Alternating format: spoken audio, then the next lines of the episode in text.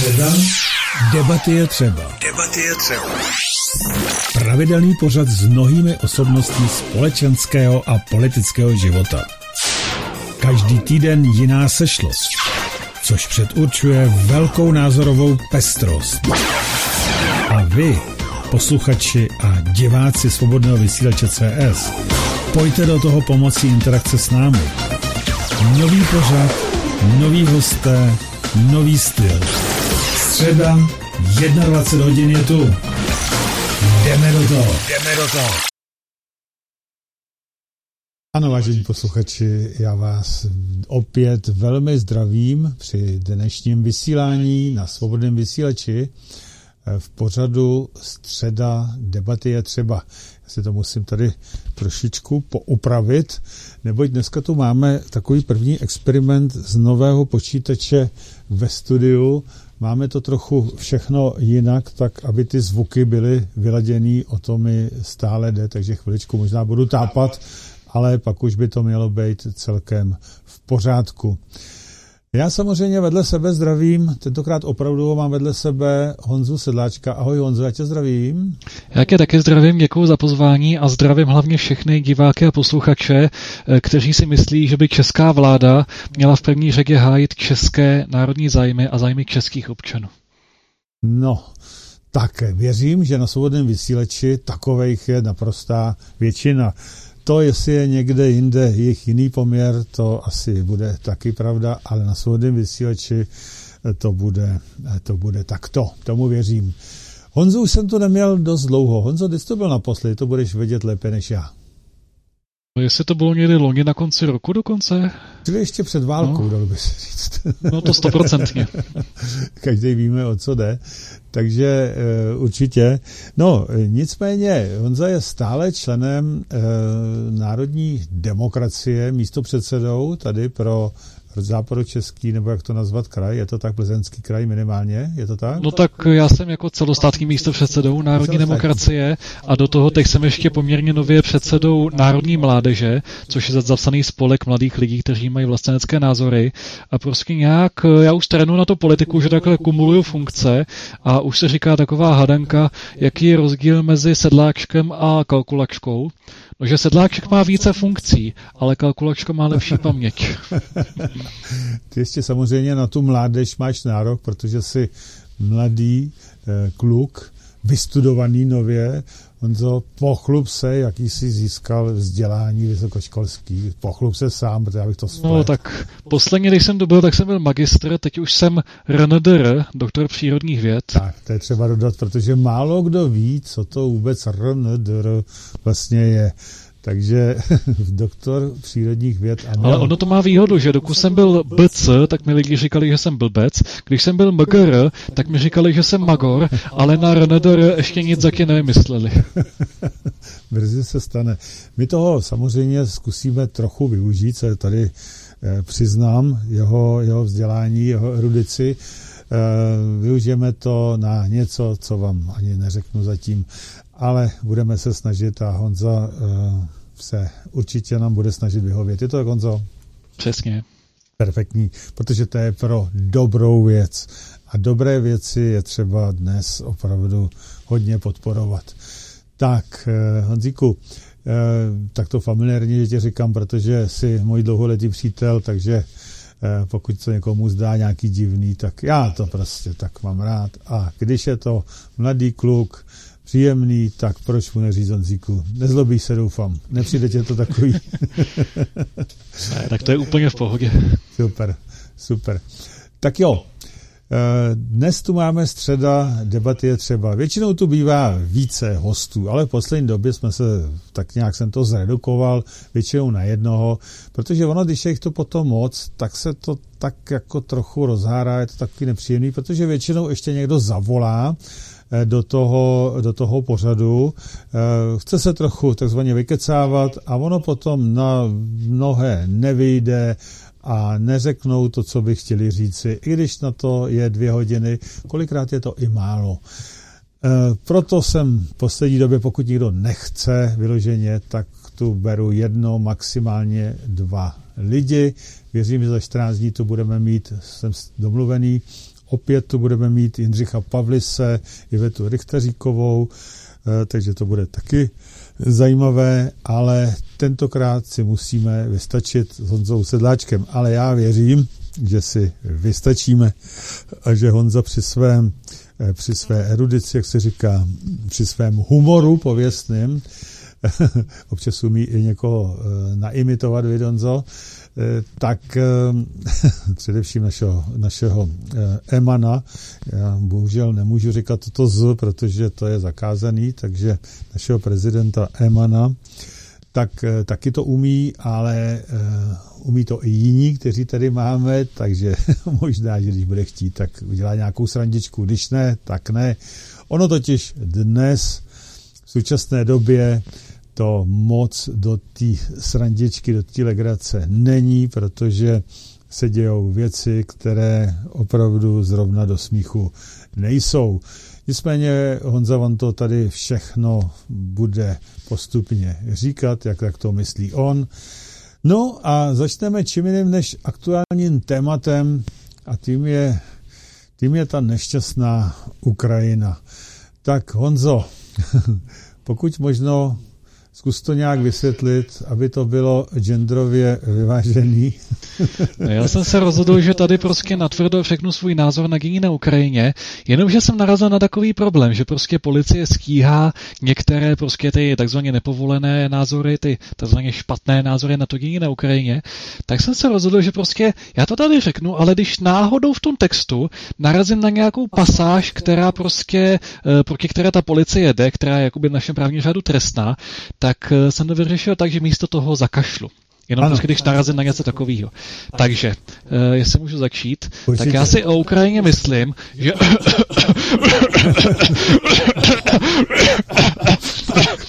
Dále je velice důležité, že... A na závěr bych chtěl dodat to úplně nejdůležitější a nejostřejší. Ukrajina je... A to, co se tam teď děje, tak znamená, že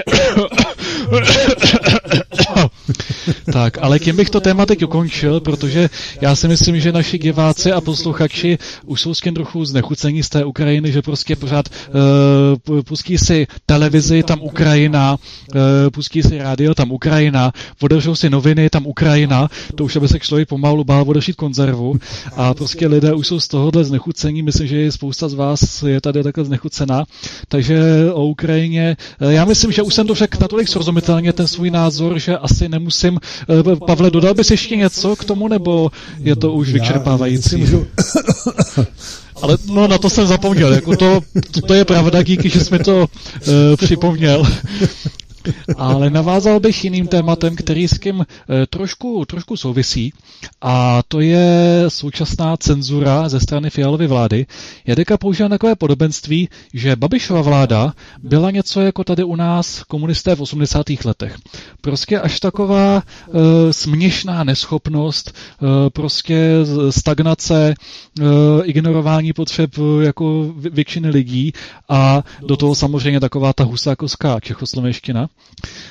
tehdy to byl Husák, dneska samozřejmě Babiš, ale bylo to takové, jako nebyly to dobré časy, ale spíš, že se tomu člověk zasmál, než by to byla nějaká tuhá totalita. Zatímco Fialová vláda, pokud ta Babišová eh, byla jako podobenství s těmi 80. lety, tak Fialová vláda, ta už nás zatahuje do 50. let. Fialová vláda tady zavádí tvrdou cenzuru, tvrdý boj proti opozičním médiím, eh, proti opozičním názorům a skutečně to, to svazáctví, které tady teď Fialová vláda podporuje, ty udavačské nálady, tak to prostě Eh, to už je tvrdý návrat do 50. let.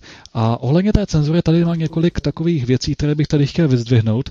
Za prvé eh, to, jak policie šla proti tomu zastupiteli, který měl na chlebíčcích na nějakém tom rautu prostě ze, zesírat to písmeno Z.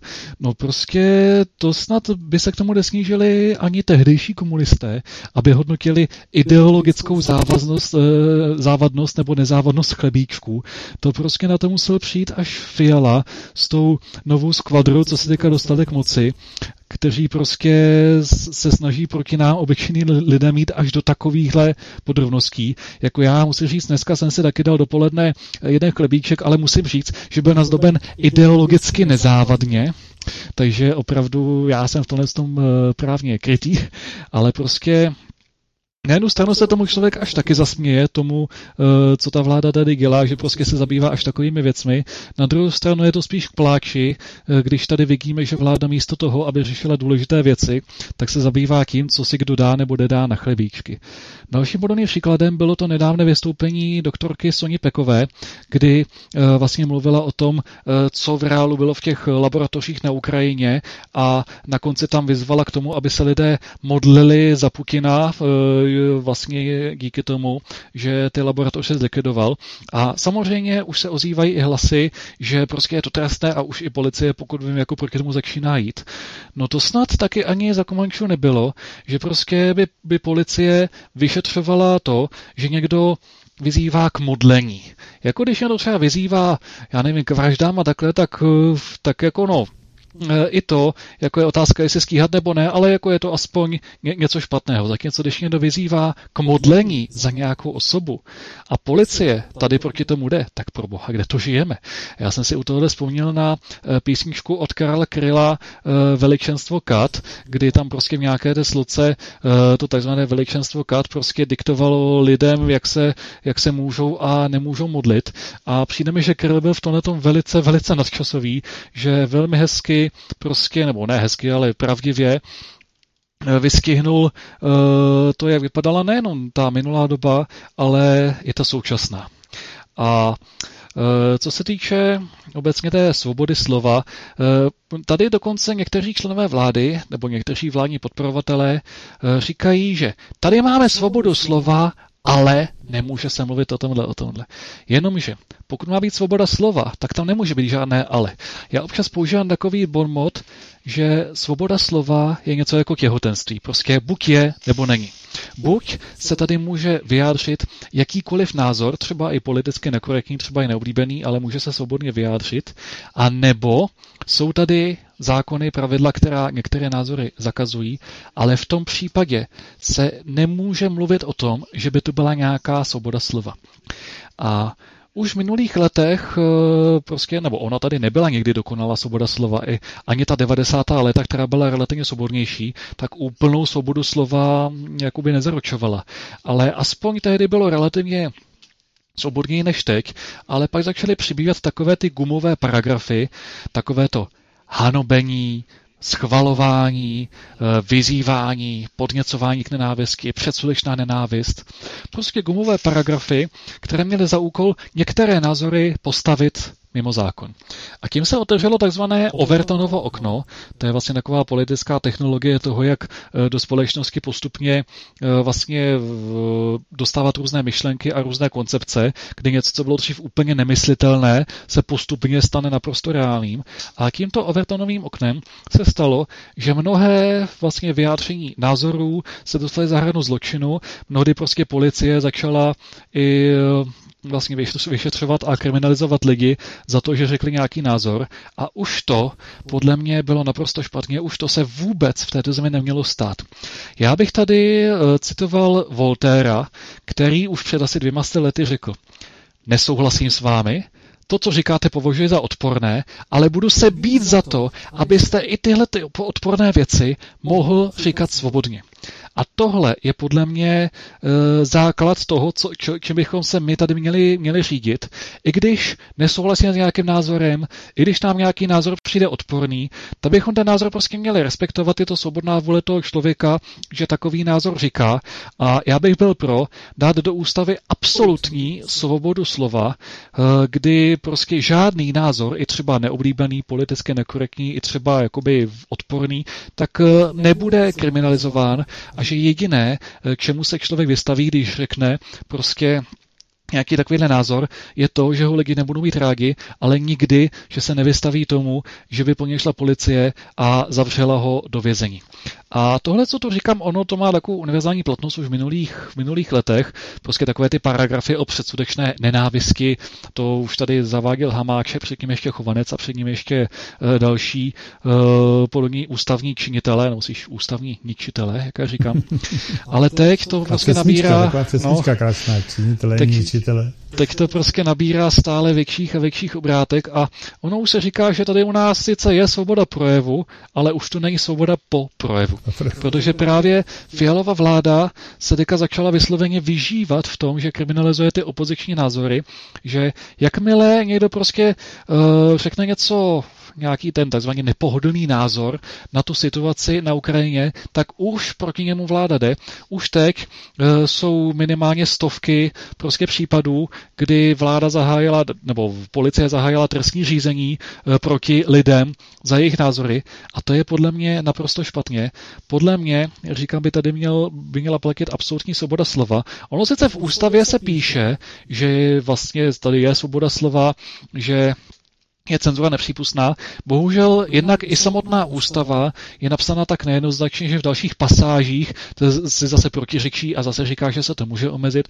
Pak spousta zákonů samozřejmě tady přibývají jako by podeštět takové ty gumové paragrafy, kdy uh, vlastně některé názory se dostávají až jakoby za hranice zákona.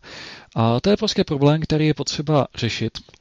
Také proto, že ty paragrafy jsou vysloveně gumové a jsou jakoby byč na, na opozici, na jenom určité spektrum těch nepovolených názorů. Já uvedu jeden hezký příklad, nebo ne hezký, ale takový, na kterém se to dobře dá ukázat.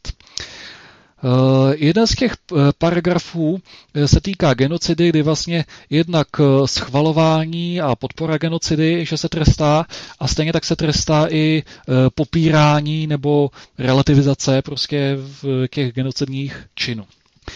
No, v tom případě, pokud by ty zákony platily pro všechny stejně, tak by mnozí naši politici měli problém protože, jak možná víte, tak před několika týdny uh, byla skvělá příležitost si otevřít šampaňské, protože konečně si čerti odnesli uh, Madeleine Albrightovou z Růdu, která zřejmě měla na svědomí víc, více lidských životů než kdokoliv jiný na této planetě. A e, když se podíváme na to, co Albrightová ve světě dělala, ať už to byla genocida v Srbsku, ať už to byla genocida v Iráku, kde se odhaduje, že e, po jejich krocích e, zemřelo několik stovek tisíc iráckých obyvatel, hlavně dětí, a sama Albrightová pak ještě prohlásila, že to prý stálo za to. Takhle to doslova řekla, že prostě, když si na to zeptali, že zemřeli tisíce lidí po jejich krocích, tak ona na to řekla, že to stálo za to.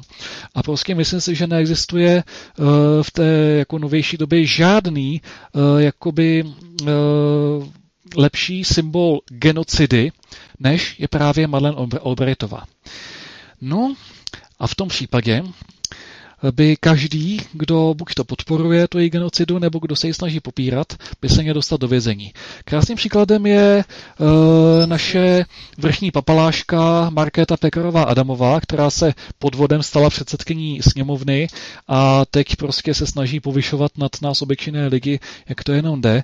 A ta, když e, ta zruda Obretová konečně pošla, omlouvám se za tento výraz, ale u ní to opravdu nejde říct jinak, tak poté eh, Pekarová jednak řekla, že jí to prý velice, nebo že jí to prý hluboce zasáhlo a dokonce nechala v poslanecké sněmovně eh, kondolenční knihu, kde prostě se jako lidé mohli, mohli zapsat.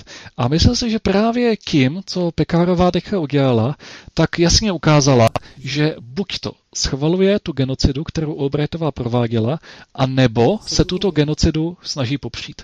Ať platí to nebo to. V obou případech je Markéta Pekarová Adamová prokazatelně vina trestným činem a měla by skončit za mřížemi.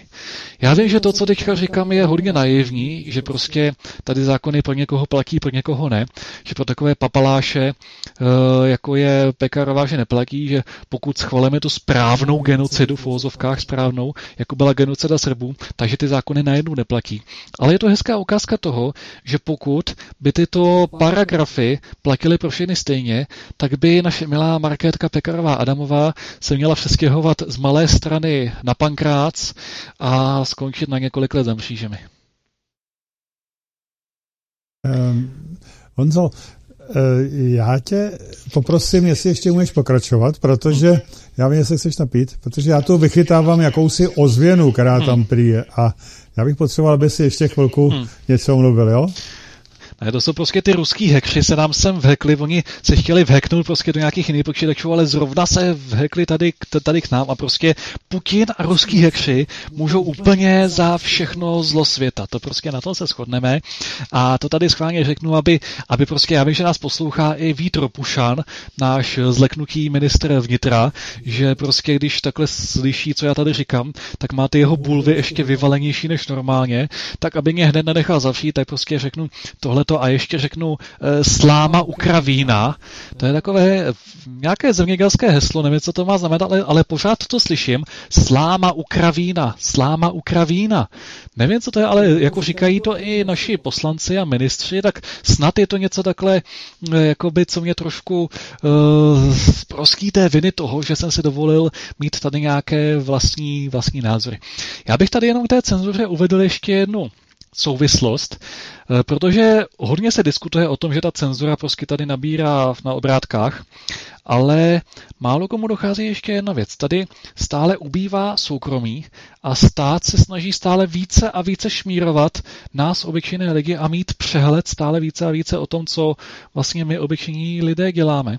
A když si to vezmete, kolik přibývá na ulici těch šmírovacích kamer, to je naprosto něco šíleného, kdy už se tomu skoro ani nedá uniknout a člověk musí používat takové ty vysloveně konspirativní techniky, aby se tomu aspoň trochu obránil.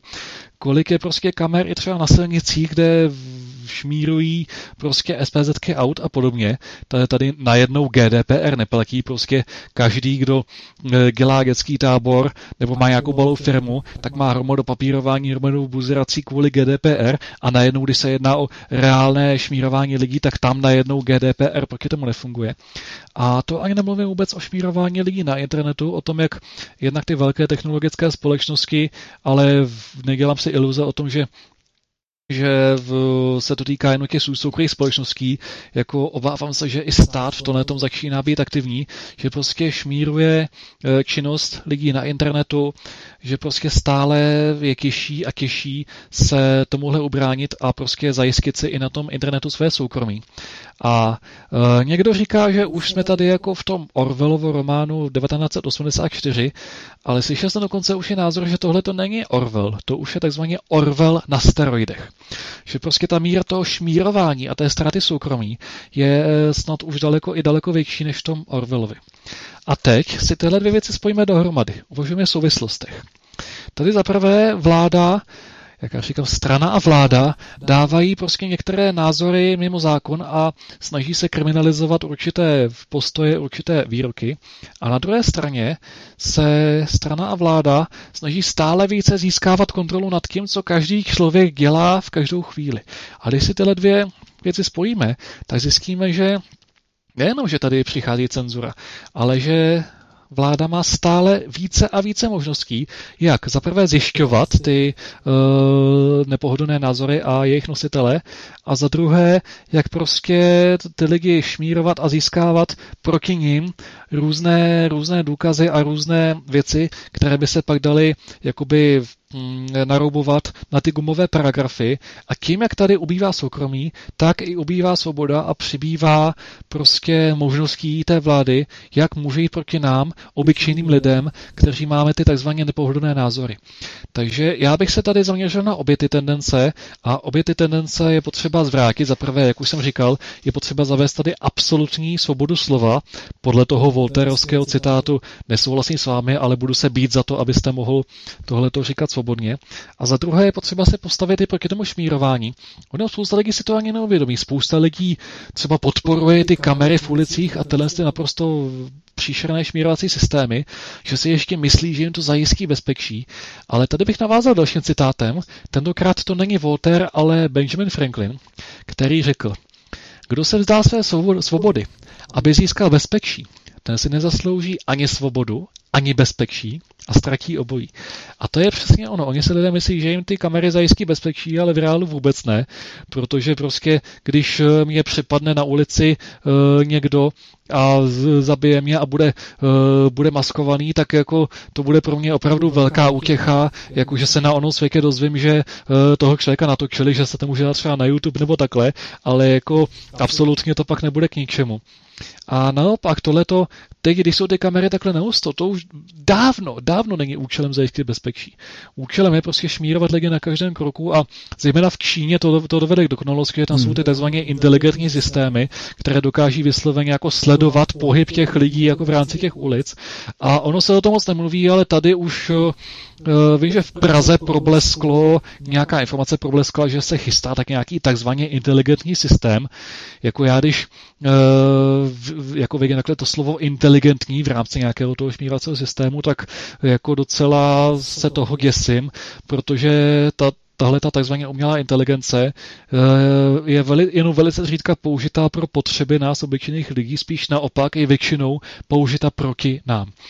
A právě proto bychom ani tohle to neměli podceňovat a měli bychom se postavit proti, i třeba ve vašem městě, ve vašem okolí, se postavit proti instalaci dalších kamer, proti těmhle šmírovacím systémům, protože tady toho soukromí nám už moc nezbývá a prostě o každý kousek soukromí tady musíme tvrdě bojovat a musíme přesvědčovat ty lidi, kteří dneska si myslí, že jim to zajistí bezpečí. A když tohle to uděláme, tak tím připravíme stát o nebo potažmo i celé, ten, celé tento národní řízení o jednu z možností, jak o nás lidé sbírat informace a tím si v podstatě zajistíme, zajistíme výhodu a zajistíme si hm, takové určité bezpečí eh, před tím státem a represivními složkami. Mm-hmm. No, myslím si to řekl velmi dobře. Já se omlouvám všem posluchačům a divákům, že prý tam máme nějakou ozvěnu ve vysílání. Já prostě něco tam slyším, ale nejsem schopen zjistit, kde to je. My to tady, vy, Honzíku, neslyšíme nějaký ozvěny, nebo ano, slyšíš něco? No jako ve tvém hlasu trochu slyším ozvěnu, ale nevím, jo. jak to slyší no, posluchači. A prý naopak je to ve tvém hlasu, ta ozvěna, mým ne, takže je to zvláštní. Nevím, eh, dobře, budu snažit se ještě eh, na to přijít, kde je ten problém, ale ono to vysílání má spoždění a já když vždycky to televizní, a já než vždycky přijdu do stavu, když si něco udělám, tak musím čekat, až se to se projeví, jestli se to projeví nebo neprojeví nějakou dobu a ono mi to dost i odvádí od toho pořadu, takže proto jsem tady prosil uh, Honzíka, aby to trochu protáh ještě to povídání. No, něco tam ještě asi bude, ale snad to už nebude tak hrozné jako, jako předtím. To je ještě lepší, asi jste to trochu sobě, to ještě lepší. No, eh, to je právě ono, že ono se to projevuje velice nevyspytatelně tak já nevím. Jak se říkal, zkoušíme tady novou, novou variantu a možná, že tam ještě nebude nějaká trochu nějak to nebude úplně vychytané. No prostě svobodný vysílač není placen z koncesionářských poplatků, takže bohužel nemá roční rozpočet 7 miliard, aby tady tu techniku vychytal úplně dokonale.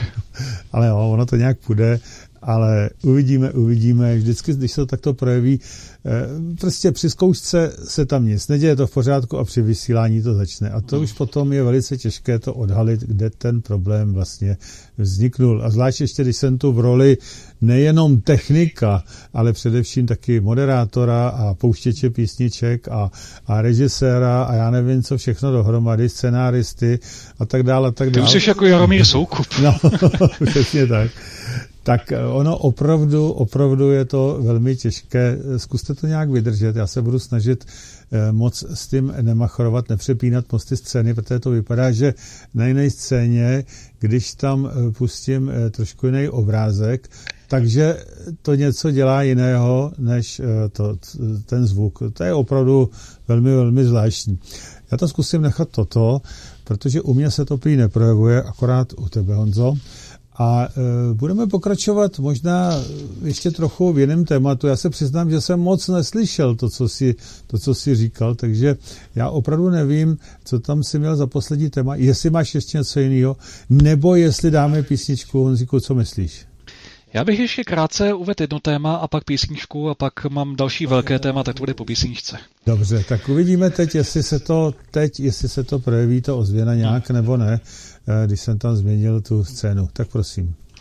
Já bych to tady uvedl takovým bonmotem, že skutečně závidím těm státům a národům eh, některé jejich politiky, například eh, Maďarům závidím jejich premiéra Orbána, anebo Ukrajincům závidím jejich premiéra Fialu, protože eh, tyto politici opravdu hájí zájmy svých států a svých občanů, akorát je škoda, že někoho podobného nemáme tady. Ono teďka, co předvádí Fialova vláda, to já jsem asi tak poslední doby se chtěl zastávat Babiše a jeho vlády, ale jako oproti tomu, co je tam teď, tak je ten Babiš byl menší zlo a to už je co říct. Úplně takový vrcholkem ledovce je již zmíněná Markéta Pekarová Adamová. Já než jsme tady zahájili vysílání, tak jsem tady řekl Pavlovi něco o její přirovnání ke krávě, jenomže uh, jsem musel uznat, že se budu muset hluboce omluvit teda ne té, té Pekarové, ale těm krávám, protože uh, že neznám žádnou krávu, která by, uh, která by prostě se tak povyšovala uh, nad uh, nás lidi, že prostě uh, Markéta Pekarová Adamová bere 240 tisíc měsíčně a vysmívá se nám a říká nám, že se musíme všichni uskromnit, že máme příliš velké platy a že když je válka, tak si musíme utáhnout opasky. No já si myslím, že by uh, Pekarová Adamová měla začít s tím utahování opasků sama u sebe, že prostě když má plat 240 tisíc, do toho ještě služební auto s řidičem a spoustu dalších výhod, tak uh, si myslím, že uh, daleko spíše u ní je z, vlastně z čeho šetřit než, než u nás. A když to srovnám třeba s našimi lidmi, s našimi důchodci. Vede si, průměrný důchodce má důchod třeba nějakých 12 tisíc, tak ani něco přidali, mají třeba 13 nebo 13,5. No jo, jenomže už teď, když zaplatí eh, bydlení, elektřinu, vodu, plyn eh, a základní potraviny a základní léky, tak už jen z toho nezbude nic. A teď, když eh, šíleně zdražují ty energie, samozřejmě zdražuje i bydlení a začínají zdražovat i základní potraviny a podobné věci, tak za chvíli to dopadne tak, že uh, spousta důchodců bude mít ten důchod třeba 13 nebo i 14 tisíc, ale budou potřebovat měsíčně třeba 15 nebo 16 tisíc, jenom aby zaplatili ty úplně základní věci, ty, eh, ten, to bydlení, základní potraviny, léky a tak podobně. A tady naše vláda pořád říká, že musíme pomáhat hlavně Ukrajincům, že Ukrajinci jsou ti potřební. Jako, já neříkám, když někdo dobrovolně ze svých peněz dá něco pro Ukrajince, budiž to je každá svobodná volba, ale jsem hodně proti tomu, aby vláda z našich peněz, z peněz daných poplatníků, dotovala ukrajinské připrchlíky, z nichž u hodně z nich je opravdu velká pochybnost, jestli skutečně to jsou lidé, kteří potřebují pomoc. Jako spíš to vypadá, že spousta z nich jenom šla za lepším. A Uh, myslím si, že naši lidé, ať už to jsou důchodci, ať už to jsou mnohé rodiny s malými dětmi, tak prostě v tom uh, současném šíleném zdražování uh, budou na tom tak špatně, že dopadnou paradoxně mnohem hůř než ti samotní Ukrajinci, protože ty Ukrajinci, když jsou v nouzi, tak vždycky se o ně někdo postará, ale bohužel u našich seniorů nebo samoživitelek, když nemají nějaké rodinné zázemí nebo nějaké dobré přátele, tak se bohužel velice obávám, aby za chvíli neskončili na ulici. Jenomže to Fialu a Pekarovou a Rakušana vůbec nezajímá. Ty zajímají akorát Ukrajinci a další podobný, eh, zajímají je eh, neziskovky, aby prostě ty, aby člověk v plísni měl dost peněz z dotací z našich daní eh, a v evropské hovnoty a takovéhle neziskovky, aby měli peníze z našich daní. Ale co tady se bude dít s našimi slušnými lidmi, kteří třeba celý život pracovali a teď za to dostávají almužnu, které jim ani nepokryje základní potřeby, tak to už naší vládu, to už naší vládu nezajímá.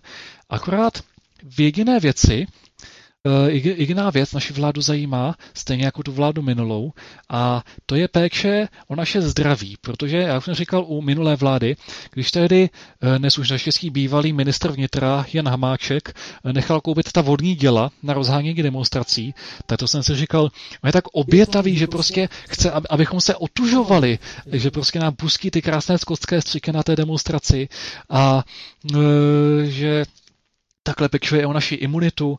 No, já si to nemyslím, že v, myslím, i ten současný ministr vnitra Vít Ropušan, takže se ta vodní děla od Hamáčka nevyhodí, že, že i on nás takhle bude na demonstracích utužovat.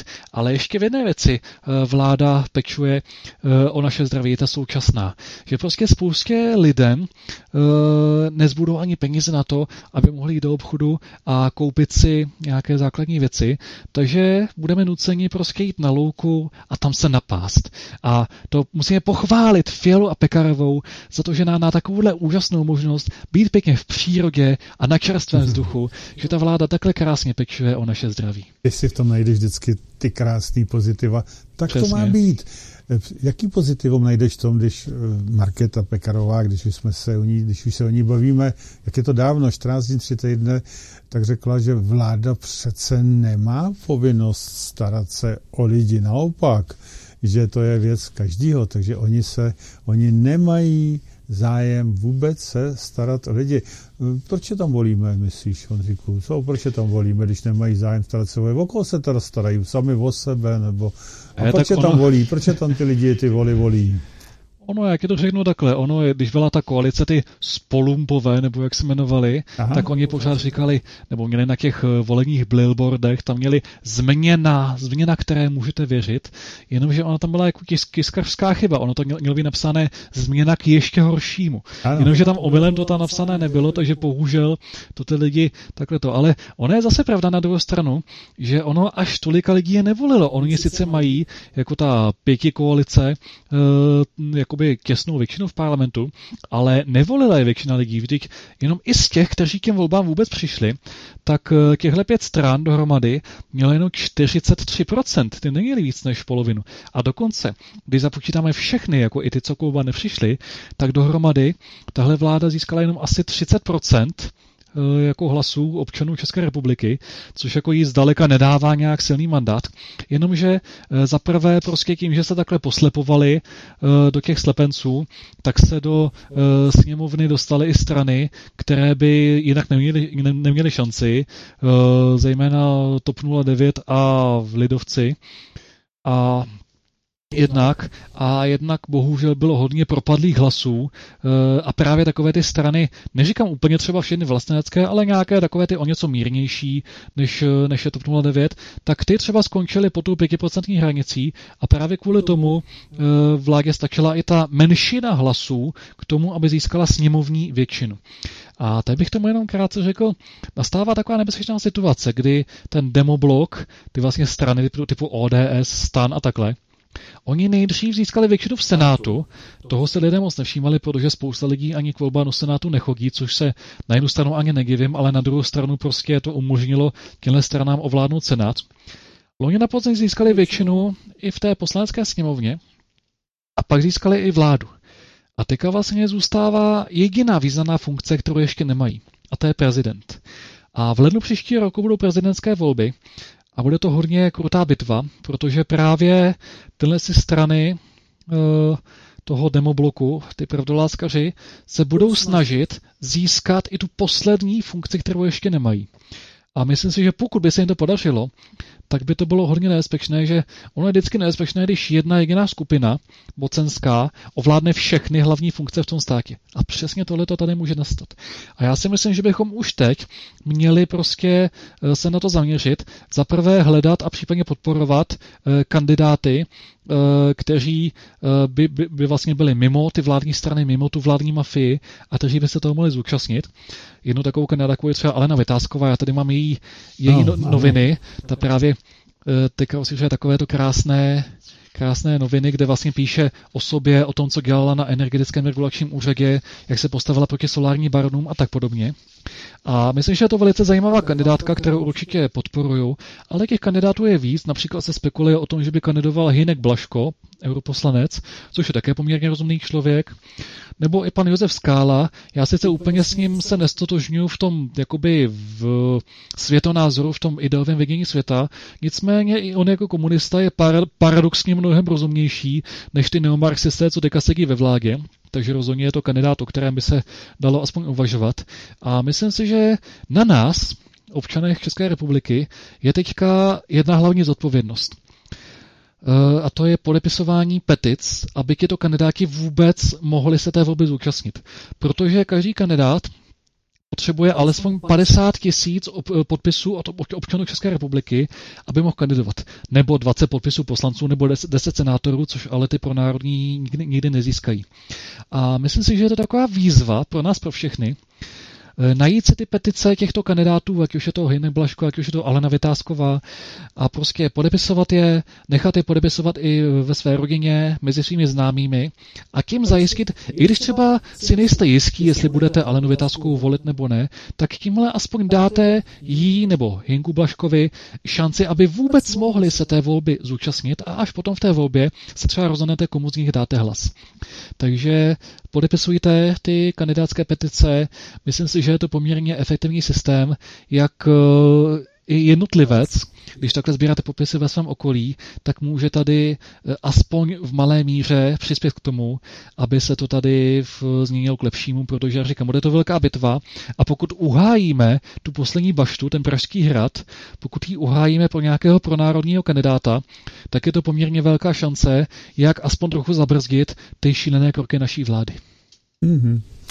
Dobře. Ehm, nevím, nevím, já už jsem nějaký skeptický vůbec jakýmkoliv volbám, ehm, nicméně ehm, loni na podzim jsem se nechal ještě jednou zvyklat. Musím to říci, jo, protože vidím to Honzovo nadšení, jak ty volby, jak ty volby, ano, v pořádku, ten, kdo to tak cítí, určitě to udělejte.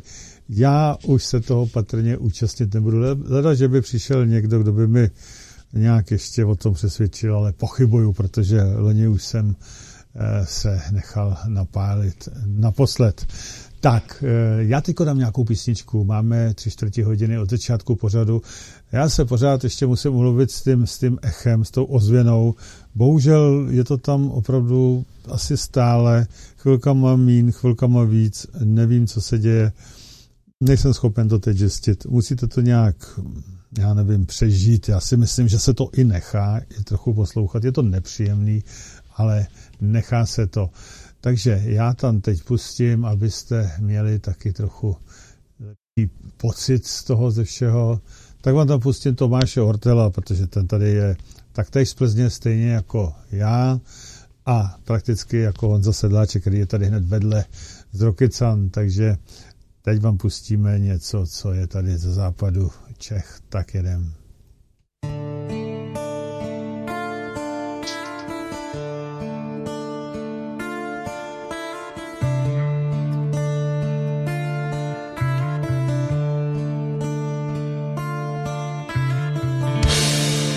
Zvony zvoní,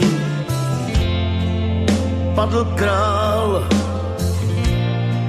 A pekelný smrad je tu cítit slzy roní celý sál. Stádo laní je už v síti. Je to plán, jen plán, co někdo spískal.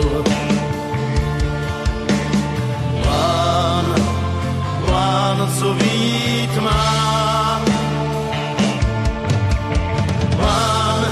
S jasným cílem zemi získat. A já se ptám, proč to vidím jenom já. Hlínou voní, kyprácem a česká krev se do ní vpíjí. Uších duní lidský stén a v křečích se těla svý. Je to plán, jen plán, co někdo spískal. Plán, plán, co vít má.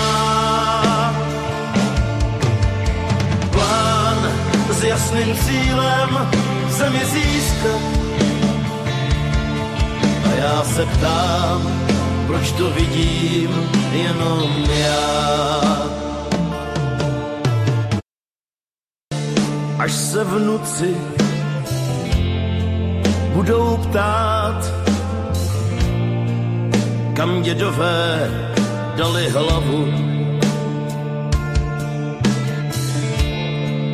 Jsme otroci v kvótách strát.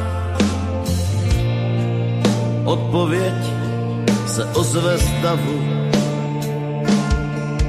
Byl to plán, jen plán, co někdo spískal. Plán, plán, co vít měl. Prostě plán s jasným cílem zemi získat. Osudovou chvíli národ o něm měl.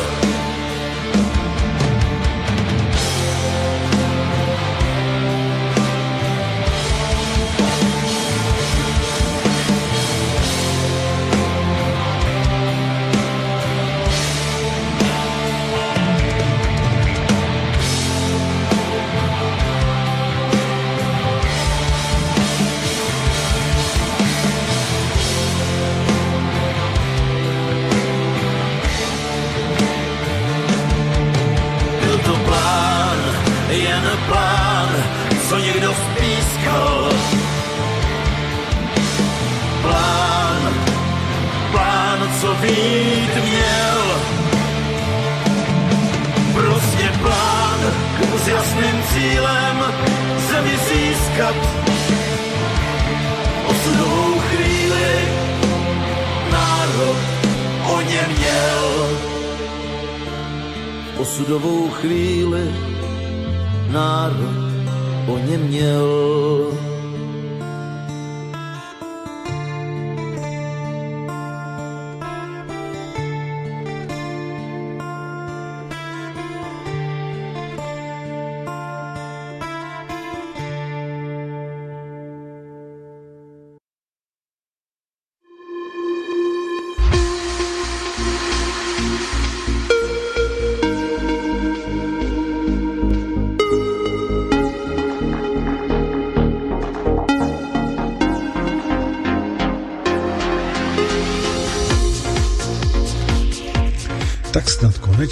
Za relativně normálních podmínek uskutečníme velké setkání svobodného vysílače CS, a to v reprezentativních prostorách objektu Univerzita ve městě Tábor na adrese Vančurova 2904. Pozor, eh, název univerzita nemá nic společného s univerzitou jako takovou. Je to jen název objektu, ale moc pěkného objektu se sálem až pro 300 lidí. Takže doufám, že ho z 14.5., kdy toto setkání vás posluchačů a nás moderátorů svobodného vysílače plně zaplníme. Nebudou jistě chybět naši stálí hosté v pořadech na svobodném vysílači, s kterými si jistě dobře osobně popovídáte. A o tom především setkávání je. Tedy vás všechny opět čekáme v maximálním počtu, abychom mohli společně opožděně oslavit již osmé výročí existence svobodného vysílače CS.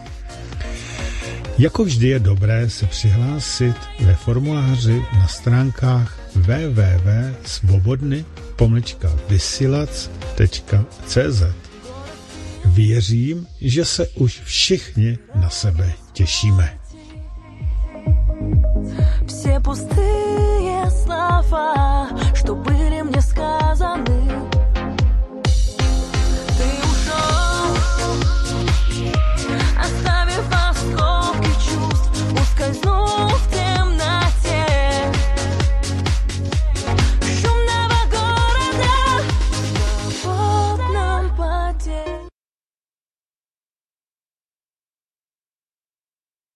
Jsme tu zpátky, vážení posluchači. Já jsem tady snažím pořád o nějaké změny, tak doufám, že to nebude ještě horší, eh, než to bylo předtím, co se týče toho, té ozvěny. Uvidíme. já to brzy snad zjistím. Slyšeli jste právě pozvánku na naše setkání, naše vaše setkání svobodného vysílače, který se uskuteční 14. května ve městě Tábor a všechny vás tam samozřejmě velmi, velmi zvu. Zval jsem i Honzu, a uvidíme, Honzo, jestli eh, říkal, že neví, ale že by možná i mohl přijet. Tak Honzo, tak jak to vidíš teda teďko? No, pokud budu mít čas, tak bych se tam taky stavil. Ano, výborně, takže já si myslím, že to nějak vyjde, snad nezapomene Honza, takže další eh, docela eh, dobrá osobnost, která tam, která tam bude. Tak, a jsme u další části dnešního pořadu, už začínáme už skoro druhou půli a Honza říká, že to, co chtěl říct si, neřekl ještě ani ze třetiny. Takže nemusíte mít strach, že nebude o čem povídat a přesto vás vyzývám, abyste případně zavolali, nejenom kvůli tomu, že eh, je echo ve vysílání, možná, že už teď nebude, ani nevím, to zjistím za chvilku, ale proto, že máte zájem si třeba popovídat, je to debata, je to středeční debata nazvaná středa. Debaty je třeba, jestli vás to k něčemu evokuje, tak potom až po vysílání, ano. Tak zatím teda eh, můžete volat 608 12 14 19 je číslo sem přímo do živého vysílání, dnes, máme 27. čtvrtý a mě jenom nevolal, až to bude poslouchat potom z archivu. Tak, Honzo, co tam máš dál? Já jenom bych ještě k tomuhle krátce eh, řekl, že tady možná, i když je nějaká ozvěna, eh, tak prostě třeba na české televizi, tam jako zvuk je kvalitní, ozvěna to nebývá, ale ten obsah toho, co tam říkají, tak jako já myslím, že už je lepší, i kdyby tady byla nějaká ta ozvěna, tak prostě je lepší poslouchat eh, kvalitní tady rozumné vysílání na svobodné vysílači s ozvěnou, než nějaké zvukově čisté, ale obsahově příšerné vysílání české bolševize. Mm-hmm. A jinak hlavní téma, které jsem tady chtěl eh, nakšít a které asi vystačí na poměrně dlouho, eh, bude eh, energetika, naše energetická situace, soběstačnost, bezpečnost a jako s přesahem do třeba naší krajiny a ochrany přírody. Protože obrovské téma v souvislosti s tím současným děním je v ten ruský plyn, kdy myslím, že dneska to bylo, kdy v Polsku a ještě nějakému státu, myslím Bulharsku, vlastně Rusko, Rusko odpojilo plynové kohoutky, protože odmítali splnit ty eh, Putinovy podmínky a Uh, samozřejmě to jednak drasticky vyvolává rostoucí cenu, jako zdražování toho plynu, což se dotýká nás všech. Vždyť jenom za poslední rok ta cena plynu vzrostla na několika násobek oproti minulému roku. A Jednak eh, samozřejmě je tady otázka té energetické bezpečnosti, protože sice tady máme nějaké zásobníky toho plynu, ale e, zdaleka nejsou zaplněné prostě ani Babišova vláda, ani Fialová se nějak moc e, nezatěžují s tím, že by tady udělali nějaké zásoby a připravili nás na to, že ten plyn třeba nebude. A myslím si, že to je značný problém, který se dotýká jako drtivé většiny lidí, protože většina lidí má doma zapojený plyn a třeba na tom vaří nebo se i topí. A myslím si, že to je něco, co by vláda měla řešit. Stejně jako by měla řešit eh, kontrakty na plyn pro příští roky, protože eh, teď eh, vláda tomu tak, tak jako nechává volný průběh. Jsme jeden z mála států, kde prostě ty kontrakty navázané nejsou. A ono to, pokud vůbec bude nějaký plyn, tak to dopadne nějak tak, že budeme třeba kupovat plyn od Německa, Eh, a vláda se ještě bude chlubit, že to je ten hodný německý plyn, že to není ten zlý ruský plyn. Proto je, jenom, že ten, jenom, že ten hodný německý plyn je ve skutečnosti ten zlý ruský plyn, který rusové zalevno poslali do Německa a Němci opak nějakým způsobem, nějakým kouzlem ho přetvoří v ten hodný německý a zadraho ho pošlou nám. Takže to, je co tak... to stojí, taková no. změna ze zlého na toto nemůže být levnější. Ale já tu mám telefon, eh, volá hmm. Posluchač a doufám, že nás nejdřív skritizuje za to ozvěnu, ne. ale doufám, že ne, tak, že má nějaký dotaz. Tak prosím, jste ve vysílání můžete. Děkuji tady Pavlovi Hlávkovi, že má tak skvělý vysílač. A bych mu ještě říct, že je to čím dál tím lepší. A jako žádná ozvěna tam není, já poslal tam na mobilu. Tak jo, ono to je v televizi pouze, ano, v televizi je ta ozvěna. Jo, jasně, no tak takový moderní prostředky zde ani nemáme, že jo, u nás ve východních Čechách. Ten kluk tam mluví úplně perfektně, já nevím, kde jste ho vyhrábali, ale těchto Děkuji. lidí zde potřebujeme stovky. Ten už, stovky, je, stovky. ten už je vyhrabaný dávno, akorát tady nemůže mluvit stále, protože to potom by bylo rádio jednoho, jednoho muže, musíme dát prostory ostatním, ale... Zase nejsem Jaromír Soukup. No, ale určitě, určitě budeme častěji, no, to jako není problém. Tak, a jako stojí za váma, stojí za váma stovka, stovka a další stovka lidí, minimálně. Tak to jsem moc rád. Máte nějaký konkrétní dotaz na něj, nebo nějaký postřeh, nebo něco, na co by mohl reagovat? A jako všechno vypráví úplně tak bombasticky, že ani nemám, protože Nemáte? něco čte z Ironetu, perfekt, ne, nečte, on, on, on nečte, nie je Caronetu. Já ne, nečte, vedle, jasně, ne. Já ne, mám vedle sebe, sorry. opravdu to mluví, mluví z hlavy všechno, to jako ne. jo, mám ho vedle sebe, můžu to zkontrolovat. Já vás sleduju ty 4, 5, 6 let, nebo nevím kolik, ale začal jsem s Jardochvátelem. Mm-hmm. To jako mě upoutalo, protože to jsem si říkal, to je nějaký malý sci-fi. mm-hmm. A teďka se dostáváme do reality jsme v realitě a musíme vést boj a bohužel to bude s červenou vlajkou. To se nedá jinak. ono, ono u nás na svobodném vysílači je od všeho něco. Ano, ať si každý já vím, vybere Já vás tam sleduju každý to, den, chce, já neposlouchám chce. žádnou ČT dvojku nebo tak. Prostě mm. na to už nemám pajšlo, abych to mhm, poslouchal. Mm, mm, mm, Dobře. Tak Mě jo. se potom dělalo špatně. Děkuji, děkuji za všechno, co děláte, pane Lavka. Děkuji, děkuji taky za uznání. Nasledanou, hezký večer. Tak, eh, já jsem teďko trošku takzvaně napířený, že, když jsem dostal takovou pochvalu. Ne, ne, ne, já si to, já to beru jako, jako nechci, když řeknu samozřejmě, to je blbost, ale prostě to beru prostě tak nějak jako normálně, jo. Já, na mě toto nějak nepůsobí, že bych byl nějaký opravdu to, ale e, samozřejmě člověka potěší nějaký takový uznání té práce. Ale to neznamená, že usneme na Vavřínech, jedeme, jedeme dál, i když doba je opravdu velmi, velmi těžká. O té cenzuře už si tady mluvil, Honzo, nebo ještě se k tomu dostaneš, o tom, že se velmi těžko dneska nechá něco, e, něco jako říct, jak se řekne, na plnou hubu. už je po desáté těsně, můžeme na plnou hubu na, plnou, na plné ústa, aby to bylo jasné. Um, takže občas opravdu musíme trošku, a zvlášť v dnešní době, já říkám, dneska již není čas na nějaké hrdinství, protože uh, to, co se děje, je opravdu, opravdu nevýdané, nebývalé v těch poválečném období. Je to, je to neuvěřitelné a eh, žádné zákony prakticky neplatí. Ústava neplatí nic, neplatí, dělají si, co chtějí.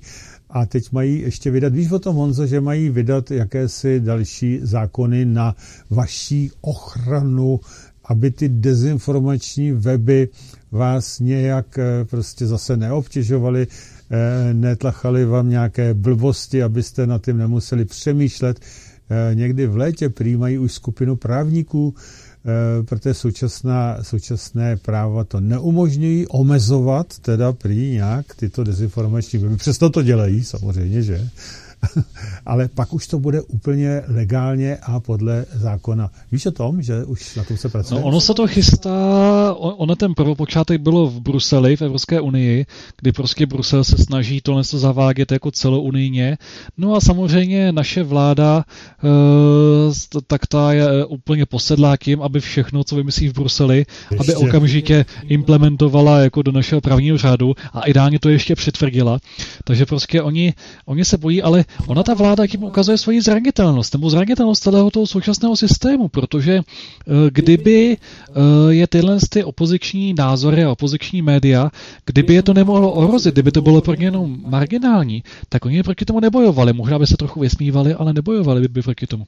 A právě to, že proti nám, proti opozičním médiím, proti opozičním názorům takhle bojují, tak tím ukazují, že nás považují za reálnou hrozbu. Eh, Mahatma Gandhi eh, kdysi řekl, eh, nejprve vás ignorují, potom se vám vysmívají, potom proti vám bojují a nakonec vyhrajete. My už jsme na tom třetím stupni, takže už zbývá jenom ten čtvrtý. Prostě ten režim uh, už se začíná otřázat v základech a uh, ta takzvaně dezinformační média, v reálu prostě opoziční média, která přinášejí i ty postřehy, která v hlavních médiích, eh, které v hlavních médiích neuslyšíte, tak ty prostě eh, už mají takový vliv, že dokáží reálně ovlivňovat ty procesy ve společnosti a vláda se toho natolik bojí, že se tu opozici a ty opoziční média takhle snaží cenzurovat. A pro nás je to signál, teďka nemyslím eh, ty signály, co vysílá, vysílá vláda, jak furt Fiala říká, a musíme tady vysílat signály pro českou společnost a jako uh, já nevím, já když, já, když jsem si jednou pustil uh, tu, ten Fialový projev a takhle to máchání rukou, já jsem myslel, že to není Fiala, ale že je to uh, procvičování uh, rukou s Olgou Šípkovou, ale to je deka jedno. Tak prostě Uh, abych se vrátil, já jsem se odbočil, já mám určitě trošku, trošku, trošku košatý myšlenky, ale že je to prostě pro nás signál, že ta vláda se nás bojí a že nesmíme polevit. Nesmíme se nechat zastrašit tím vládně tažením proti opozici, musíme prostě uh, šířit uh, ty články těch opozičních médií. Spousta těch médií, ať už Protiprout, Aeronet, Pravý prostor, tak pořád existují, sice je vláda smazala, ale oni znova se vlastně ustavili třeba na jiných doménách, na zahraniční zemích, kde eh, kde prostě naše vláda zatím nemůže. Například Pravý prostor, to můžu doporučit, je vynikající blog, kde sdílejí prostě články různých zajímavých autorů.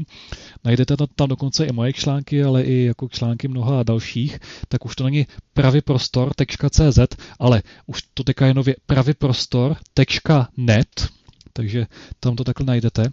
A mm-hmm. prostě musíme sdílet tahle ta média, jak to jenom jde, šířit ty informace z nich a prostě neustávat v tom našem boji.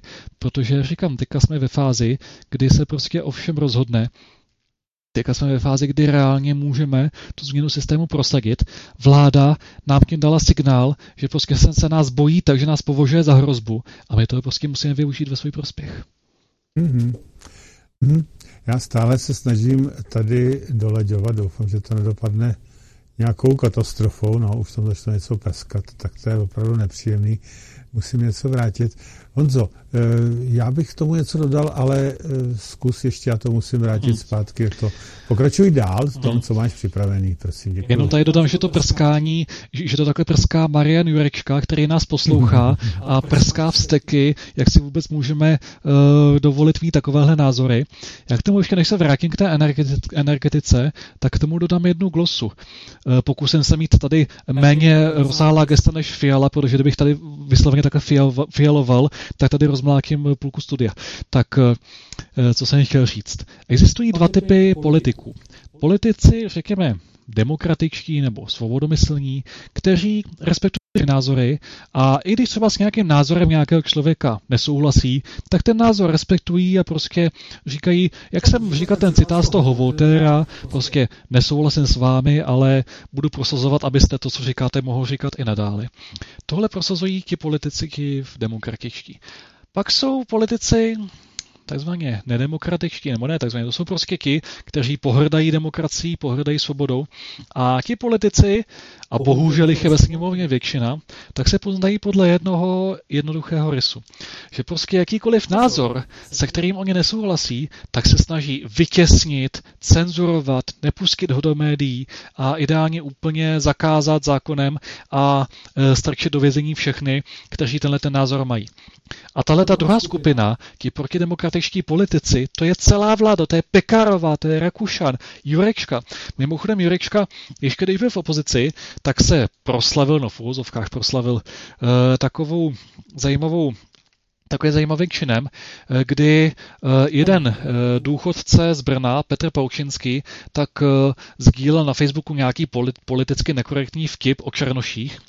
No a Marian Jurečka ho za to udal na policii, že prý Petr Paučinský šíří nějaký rasismus nebo něco podobného. No, sice byli rozumní policisté a smetli to ze stolu, ale prostě už to, že Jurečka takhle udává důchodce za politické vtipy na Facebooku, no to je podle mě úplné dno.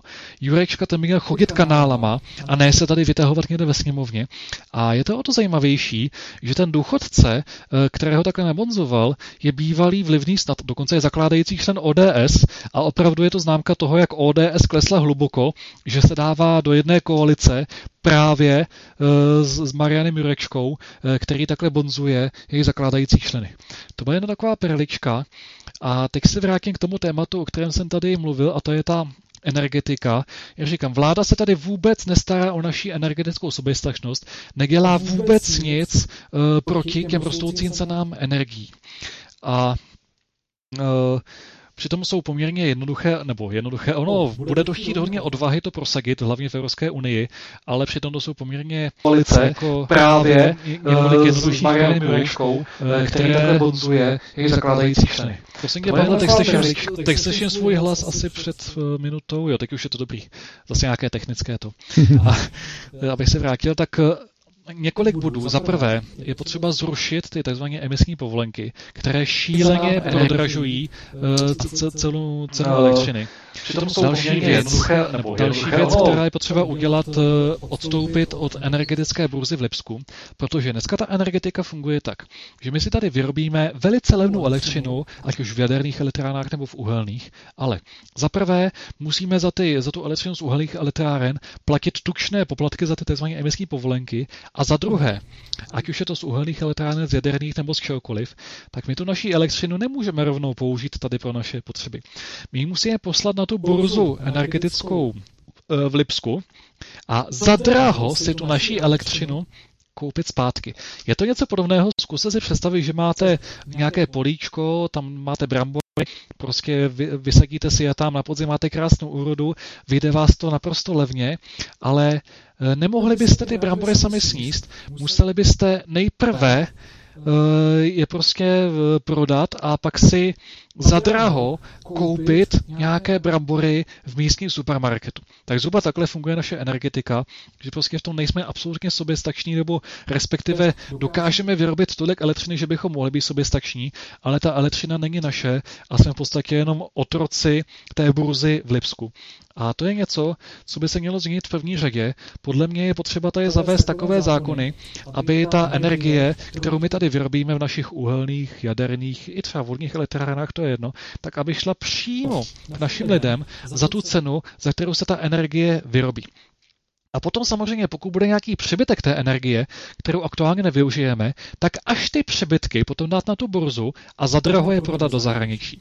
Nebo naopak, když té energie, kterou u nás vyrobíme, když ji bude nedostatek, když budeme potřebovat víc, tak třeba si na té burze koupit uh, tu elektřinu sice za draho, ale bude to opravdu jenom to, co my sami nevyrobíme. No, tohleto, eh, to odstoupení z burzy a to, eh, to odstoupení od emisních povolenek, poměrně jednoduché kroky, jenomže ani Babišova vláda, ani Fialová absolutně neměli odvahu a neměli vůbec vůli eh, v tomhle podniknout nějaké kroky, aby tohle to udělali. Teďka paradoxně Babiš eh, nadává na Fialovo vládu, že nic eh, jako nedělá proti rostoucí cenám elektřiny, jenomže ani sám Babiš, když byl u moci, tak vůbec proti tomu nic neudělal. Babiš byl u moci v podstatě 8 let a vůbec nic neudělal proti emisním povolenkám, vůbec nic neudělal um, proto, abychom vystoupili z té energetické burzy. Takže já Babišovi v tomhle nevěřím. On sice hezky mluví, ale prostě prostě není o moc lepší než ta současná vláda. A proto si myslím, a říkám to opakovaně, že prostě je tam potřeba dostat úplně nové lidi, nové strany a hlavně skutečné odborníky a ne ty, ty, ne ty co tam jsou teď. Další důležitá věc. Eh, tady se mluví o tom, a dokonce i mainstreamová média už to říkají, že bychom měli být nezávislí na ruském plynu. Ono, za prvé, za chvíli to nebude ani eh, jako jenom eh, touha vlády být nezávislí, ale za chvíli to bude nutnost, až nám Putin ty kohoutky zavře. Ale tady si vláda zase protiřečí, protože dobře, je potřeba být co nejvíc soběstačný, což třeba v energii, jako v elektřině poměrně poměrně jsme, v plynu teda bohužel ne, protože naše zásoby plynu, jako co se tady těží, tak jsou jenom minimální. A je potřeba prostě využít tady takové energetické zdroje, nich jsme soběstační. Budiš. V tom případě by se vláda měla, měla snažit, aby se tady co nejvíc využili eh, ty energetické zdroje, které tady máme na našem území, což je v první řadě uhlí a výroba elektřiny z uhlí. Ono ta elektřina a plyn, ono eh, je to hodně provázané, že například asi 10% elektřiny u nás se vyrobí z plynu, takže samozřejmě nejde to úplně 100% nahradit, že kdyby nám Putin úplně zavřel kohoutky a neměli by sem plyn, tak někteří lidé nemají na výběr, prostě musí to pít tím plynem a měli by problém. Ale zaprvé lidé, co mají třeba na výběr, co mají rodinný domek, výrobek a mají na výběr, jestli topit elektřinou nebo plynem, tak ti třeba by se mohli víc zaměřit na tu elektřinu. A jednak bychom mohli zrušit tu výrobu elektřiny z plynu a tím pádem by toho plynu víc i z těch zbytků prostě zbylo pro ty naše lidi. No a, ale samozřejmě je k tomu nutné, aby se tady využil ten náš hlavní zdroj, elektřiny, a to je uh, hnědé uhlí a jeho spalování v uhelných elektrárnách. To je zdroj, kde, kde jsme soběstační a kde budeme soběstační, i když se neprolomí těžební limity, když se bude těžit jenom v těch současných těžebních limitech, tak jsme v tom soběstační relativně na několik desítek let. No jo, jenomže uh, Evropská unie tady prostě navazuje na to sovětské centrální plánování a ještě ho daleko prohlubuje a snaží se tady centrálně naplánovat, že se zruší všechny uhelné elektrárny, nevím jestli za dvě nebo za tři pětiletky, a prostě se nás snaží takto ostřihnout od našeho nejstabilnějšího a zdroje a takového zdroje, kde jsme nejvíc soběstační. A samozřejmě naše vláda, eh, která je plně podřízená těm kmoturům a papalášům z Brusele, tak proti tomu nic nenamítá, nebo jenom v nějakých kosmetických detailech, že se snaží vyžebrat, aby se to prodloužilo o pár let, ale absolutně není schopná ani ochotná se postavit proti tomu plánu na zavření těch uhelných elektráren. Přitom Ono se říká, že ty uhelné elektrárny škodí přírodě, ale ono to není, není tak úplně pravda. Ono takhle, každá výroba elektřiny má nějaký negativní dopad na přírodu. Jako vždycky je to jenom o větším a menším zlu. Jenomže když srovnáme na jedné straně třeba prunéřovskou uhelnou elektrárnu, která má výkon nějakých 1000 MW, a na druhou stranu bychom dali ty takzvaně obnovitelné zdroje, tam ty, jak to Evropská unie podporuje, ty uh, větrníky, slunečníky, divžené i měsíčníky, prostě ty soláry a ty větrné elektrárny, tak aby se, pokud, pokud eh, měříme jakoby jednu, no, porovnáváme jednu tu uhelnou elektrárnu a jednu větrnou, tak tam možná ta uhelná je škodovější přírodě. Jenomže si musíme uvědomit, že pokud by se měl nahradit třeba ten průneřov, který má 1000 MW, tak by to znamenalo postavit řádově asi 500 těch větrných elektráren, teoreticky, prakticky asi ještě víc, protože eh, ty větrníky dávají velice nerovnoměrný příkon a uh, Musí jich být víc, aby se vykryla i ta spotřeba elektřiny eh, v těch eh, dobách, kdy nefouká. To samé platí u solárních elektráren, kdy prostě jenom přes den vyrábí a to ještě jenom někdy. A když se eh, sečtou ty negativní vlivy těch takzvaně obnovitelných zdrojů, kterými by se to tady mělo nahradit, tak já v porovnání s tím si myslím, že i ty uhelné elektrárny, ty proklínané, které jsou považované za škodlivé, v tomto ohledu jsou menší zlo. Je pravda, že uhelné elektrárny byly hodně škodlivé ze začátku, ještě tak do těch 80. let, kdy z nich vycházely obrovské emise oxidu síry. To vytvářelo ty kyselé deště a kvůli tomu eh, byly hodně poškozeny lesy, hlavně v Krušných horách a Vizirkách.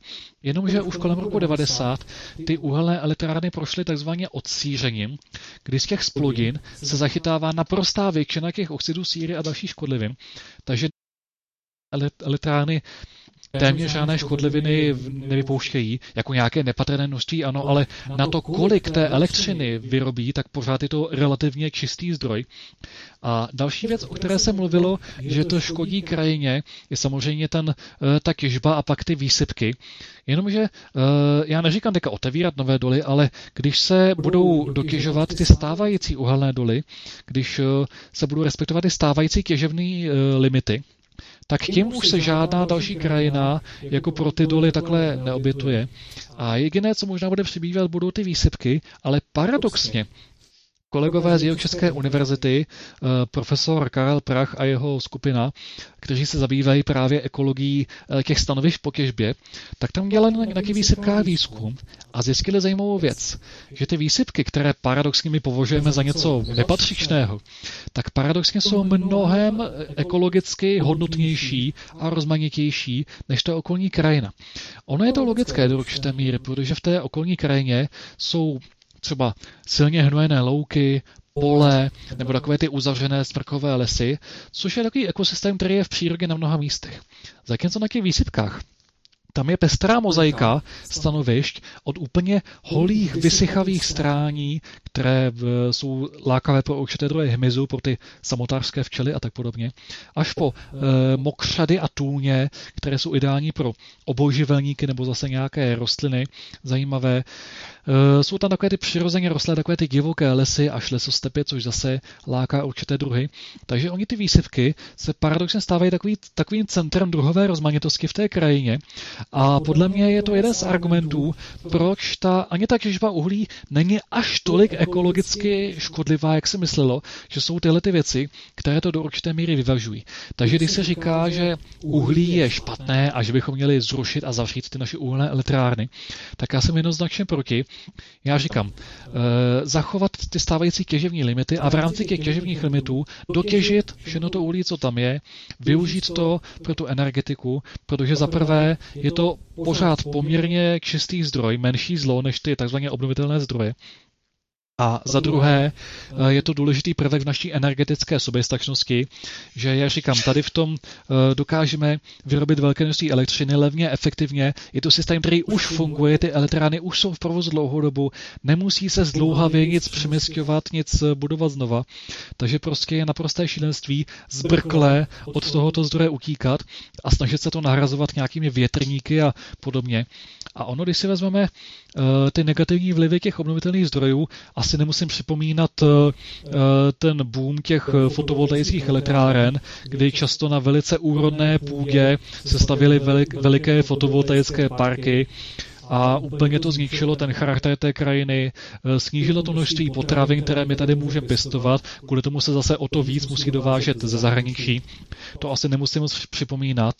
Ono o moc lepší nejsou ani ty větrné elektrárny, kdy zaprvé je to samozřejmě také zábor území, ovlivňuje to tu krajinu, ovlivňuje to krajinný ráz, eh, hodně se diskutuje o vlivu na migrační trasy ptáků, a o čem se ani tolika nediskutuje, jsou dvě věci. Za prvé, že ty vrtule těch um, elektráren, těch větrníků jsou eh, z takových materiálů, které se velice obtížně recyklují, nebo některé jsou úplně nerecyklovatelné, takže se to pak musí skládkovat.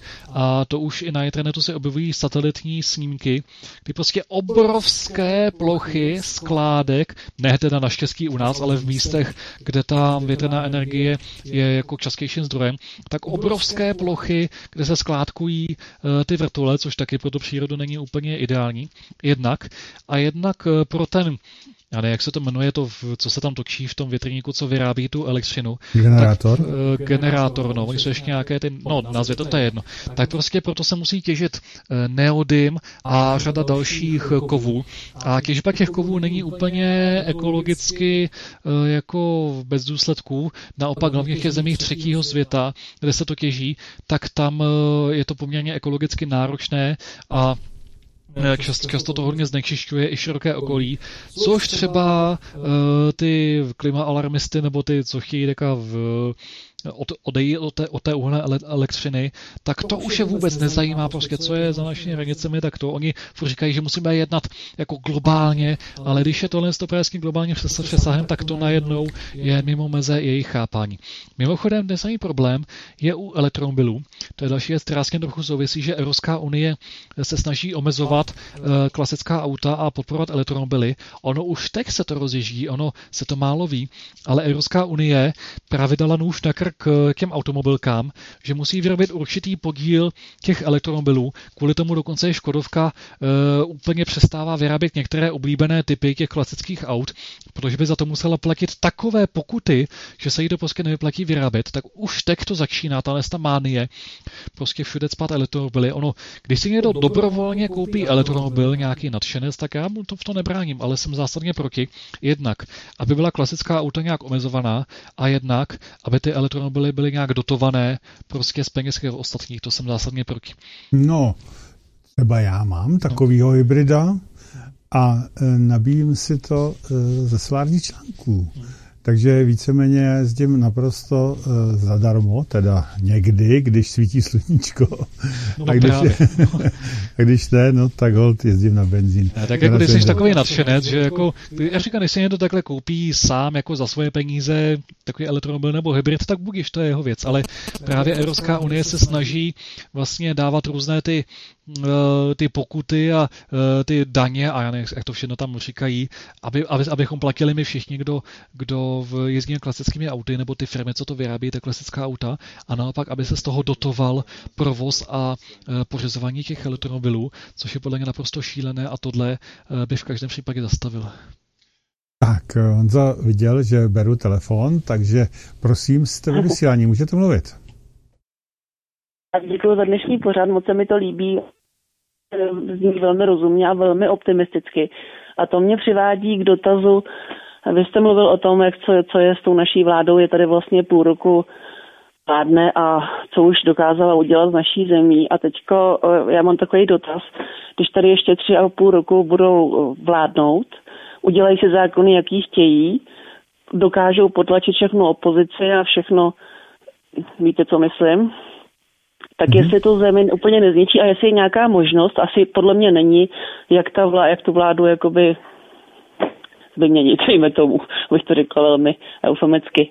A ještě, ještě mám jeden dotaz, chtěla bych se zeptat eh, na váš názor na členství Evropské unie a případně jestli výstup nebo postoj Orbána, nebo co si o to myslíte. A já budu poslouchat, děkuju. Taky děkujeme. Jenom jsem se chtěl zeptat, vy posloucháte z no. televize no. nebo z rádia? Z mobilu. Mobilu. Z rádia. Takže, takže z rádia. Je tam taky to echo taková ozvěna nebo ne? Není, že ne? Není a dvakrát se mi to tam ozvalo, jak váš host říkal, že, že to slyšel, tak to jsem taky slyšela a to bylo vždycky na chviličku, ale jinak není. Já, dobře, děkuji, já to potřeboval vědět, protože tady nemám tu kontrolu. Tak jo, nashledanou. Tak jo, děkuji, nashledanou. Díky za otázku.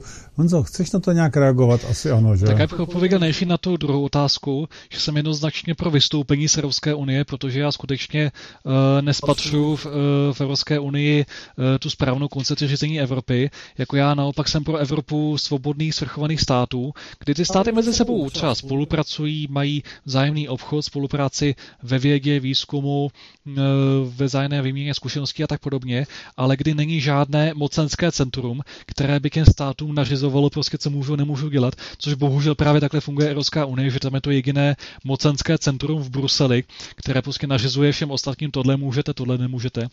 A proto prosazuju vystoupení z Evropské unie a e, právě přechod té Evropě svrchovaných států a e, právě Orbán e, zmíněný, tak e, Zatím ještě se nedostal tak daleko, že byste Unie chtěl vystoupit, ale už se tam otevírá to takzvané Overtonovo okno. Už jako to probleskuje ta možnost toho vystoupení.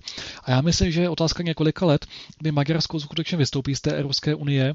A pokud by se to podařilo, aby nevystoupilo jenom Maďarsko, ale i některé další státy, tak bychom mohli vystoupit spolu s nimi a udělat aspoň třeba v rámci Vyšegrádu nějakou skupinu.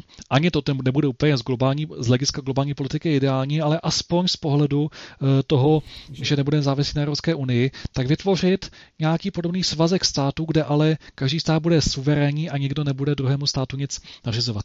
A k té první otázce, eh, já bych v tomhle byl optimista, protože od roku 96 žádná vláda vedená ODS nevydržela až do konce volebního období. Vždycky ta vláda skončila už po několika letech, někdy dokonce byly předčasné volby a doufám, že se to stane i teď takhle. A co můžeme dělat? No v řadě, jak už jsem o tom mluvil, eh, vybojovat tu funkci prezidenta, protože teď je prezidentem eh, Zeman, který už absolutně nemá sílu té vládě zdorovat. Eh, tenhle Zeman už zdaleka není to, co byl na začátku. Teď sice už tím, že tam sedí on a ne nějaký jako člen té vládní mafie, tak i to je jako do určité míry jako naše trošku výhoda, ale je potřeba tam prostě dostat někoho, kdo bude ještě daleko radikálnější než Zeman a hlavně kdo bude mít sílu se proti té vládní mafii postavit a kdo bude mít sílu prostě té vládní mafii házet klacky pod nohy a hájit proti té vládě zájmy nás lidí. Což podle mě nejlepší by byla ta paní Vytázková, protože to už prokázala, že to, že to umí, že umí hájit naše zájmy tehdy na tom energetickém úřadě, jak se postavila proti té solární mafii. Takže je potřeba, já říkám, podepisovat tu její petici i petice třeba ostatních kandidátů, Hinka Blaška a tak podobně, aby vůbec mohli kandidovat. To je teď ten první krok. A pak samozřejmě druhý krok bude je podporovat v tom informačním poli, eh, aby to, že média se je budou snažit schodit, tak se postavit proti těm médiím a ty kandidáty také podporovat. A s tím souvisí, co ještě můžeme dělat? No, sledovat alternativní média, eh, šířit ty informace z alternativních médií, protože, jak jsem říkal, toho se vláda nejvíc bojí. Ve společnosti už teď narůstá podhoubí prostě nespokojenosti s tou vládou a tohle podhoubí musíme co nejvíc podporovat a co nejvíc rozvíjet. A e, tím máme šanci prostě tu vládu oslabit takovým způsobem, že se sice bude držet úkoret, jako jak to jenom půjde, ale za prvé po těch příštích volbách už se tam nedostanou a za druhé Eh, jsou poměrně efektivní způsoby, jako jak se bránit v rámci té občanské společnosti, eh, jak vyvíjet různé iniciativy, demonstrace a takhle. Ono sice jedna demonstrace nic nezmůže, ale prostě když budou opravdu masové protesty a nejenom nějaké vyřávání na náměstích, ale když skutečně budou vznikat takové ty paralelní struktury, kdy lidé se budou dávat dohromady, budou tvořit různé společnosti, které budou samozásobitelské a tak podobně, tak to si myslím, že nás učiní nezávislí myslíme na, to, na tom státu a na těch vládních krocích a e, také to může vytvořit základ pro tu příští vládu, která pak bude třeba daleko rozumnější. Mm-hmm. Tak, to je k tomu a teďka se asi vrátím k tomu, co jsem mluvil předtím, ta, ta energetika. Tak, e, výborně. Mně se zdá, že se mi konečně podařilo odstranit ten problém s tím zvukem. Dejte mi vědět, napište mi, když tak. Vypadá to, že už to tam opravdu není. No, e, tak, už mi tady píše první posluchač. Ach jo, tak eh, je to zajímavý, ale jak jsem zapnul tvou kameru, tak to brala kamera. Kamera brala ten zvuk, tále, co máš nahoře a pouštěla to tam paralelně do toho. No, neskutečný, takže to jsem fakt eh, nečekal toto. Takže eh, záhada vyřešena. Aspoň, že tak. Děkuji, děkuji moc, když už je skoro konec pořadu, nebo tři čtvrtě. Já nevím, možná, že bychom mohli dát eh, ještě jednu písničku. Co ty na to, Honziku? Tady písničku a já to dořeknu potom. A ne, tak to dořekni, tak to dořekni, a nebo ještě chviličku, eh, je tu telefon. Myslím, tak že volá, telefon. Myslím, že volá uh, Echovi. Aha, aha, co? Tak super. Takže eh, teďko volá Petr Luft. Petře, jsi ve vysílání. Jo, jo, zdravím, zdravím Petr Luft. A chtěl bych říct, že to echo se přestěhovalo od Honzy k tobě. to je krásný. A předtím, jak volala ta paní, tak eh, když ukončil hovor a začal to komentovat Honza, tak to bylo hrozný. Aha. A po, potom, eh, já nevím, pár, dejme tomu v desítkách vteřinách nebo minuta eh, před tím, než si začal říkat, že si to už zvládnul, tak to, to, byl, to byl Honzík bezvadný a ty si začal mluvit a o tom, to jak si to zvládnul a přestěhovalo se to na tebe. já se z toho picnu. Takže tam je nějaký šotek veliký. Tak ještě Ale já jsem bude... chtěl jenom, když už, hmm? Když už teda mám eh, tady ten vstup, tak bych chtěl ještě dodat takový technické věci. Třeba eh, samozřejmě, že eh, ty, ty fosilní spalování vypadají hrozně jo, a když to někdo chce mít hrozně, tak to ještě jak si povýší proti jiným, ale ty jiný jsou taky zatěžující. Mimo jiné při těch eh, fosilním spalování třeba toho uhlí, No tak jsou ty odsiřovače moderní dneska, takže jsou schopní eh, od odejmout tu síru a možná, že nějaký eh, e, tušíkatý věci. A z toho se vyrábí mimo jiné jeden vel, velice důležitý stavební materiál e, a to je sádrokarton. Přesně. Mhm. Takže, takže tím se trošku jaksi eliminuje tam to negativum že jo, z těch elektráren fosilních, uhelných. No a když se to porovná třeba s, pokud by se vždycky eh, z těch jednotlivých systémů, dejme tomu těch větrníků, no tak ten větrník taky se musí vyrobit cement, to je vysoce energeticky náročná záležitost, aby byly betonový ty, ty, ty základy a tak dále. A potom ty vrtule dneska, jestli se nemýlím, tak se dělají z kompozit. No a to je další zátěž, kom, vyrobit kompozity, to je chemie, že jo, vlákna, zase to se všechno musí vyrobit. To je zase energeticky, chemicky náročný, takže um, další věc, elektromobily. Já jsem čet nedávno, že eh, výroba celková elektromobilů, včetně těch akumulátorů a tak dále, je šestkrát horší ekologicky než výroba spalovacího uh, auta se spalovacím motorem. Mhm. Věz, nevěz. Je to asi, asi je to, je to možné. Takže tam to není nikdy úplně jasně řečen, že tohle je eh, suverénně méně ekologický než tamto, ale myslím si spíš, že eh, tam hraje to, co kdo chce, jak používat a komu to určitě ta, ta, ta verze, ten způsob, ten systém vyhovuje líp nebo mí. Ale nedělal bych žádný tabu, že fosilní elektrárny vyřaďme, protože jsou absolutně tragický. To, to ne, podle mě není pravda. A navíc máme to uhlí, takže jsme to už Gonza, e, takže tady bych neviděl žádný e, problémy e, s prodloužením provozování těch fosilních elektráren u nás.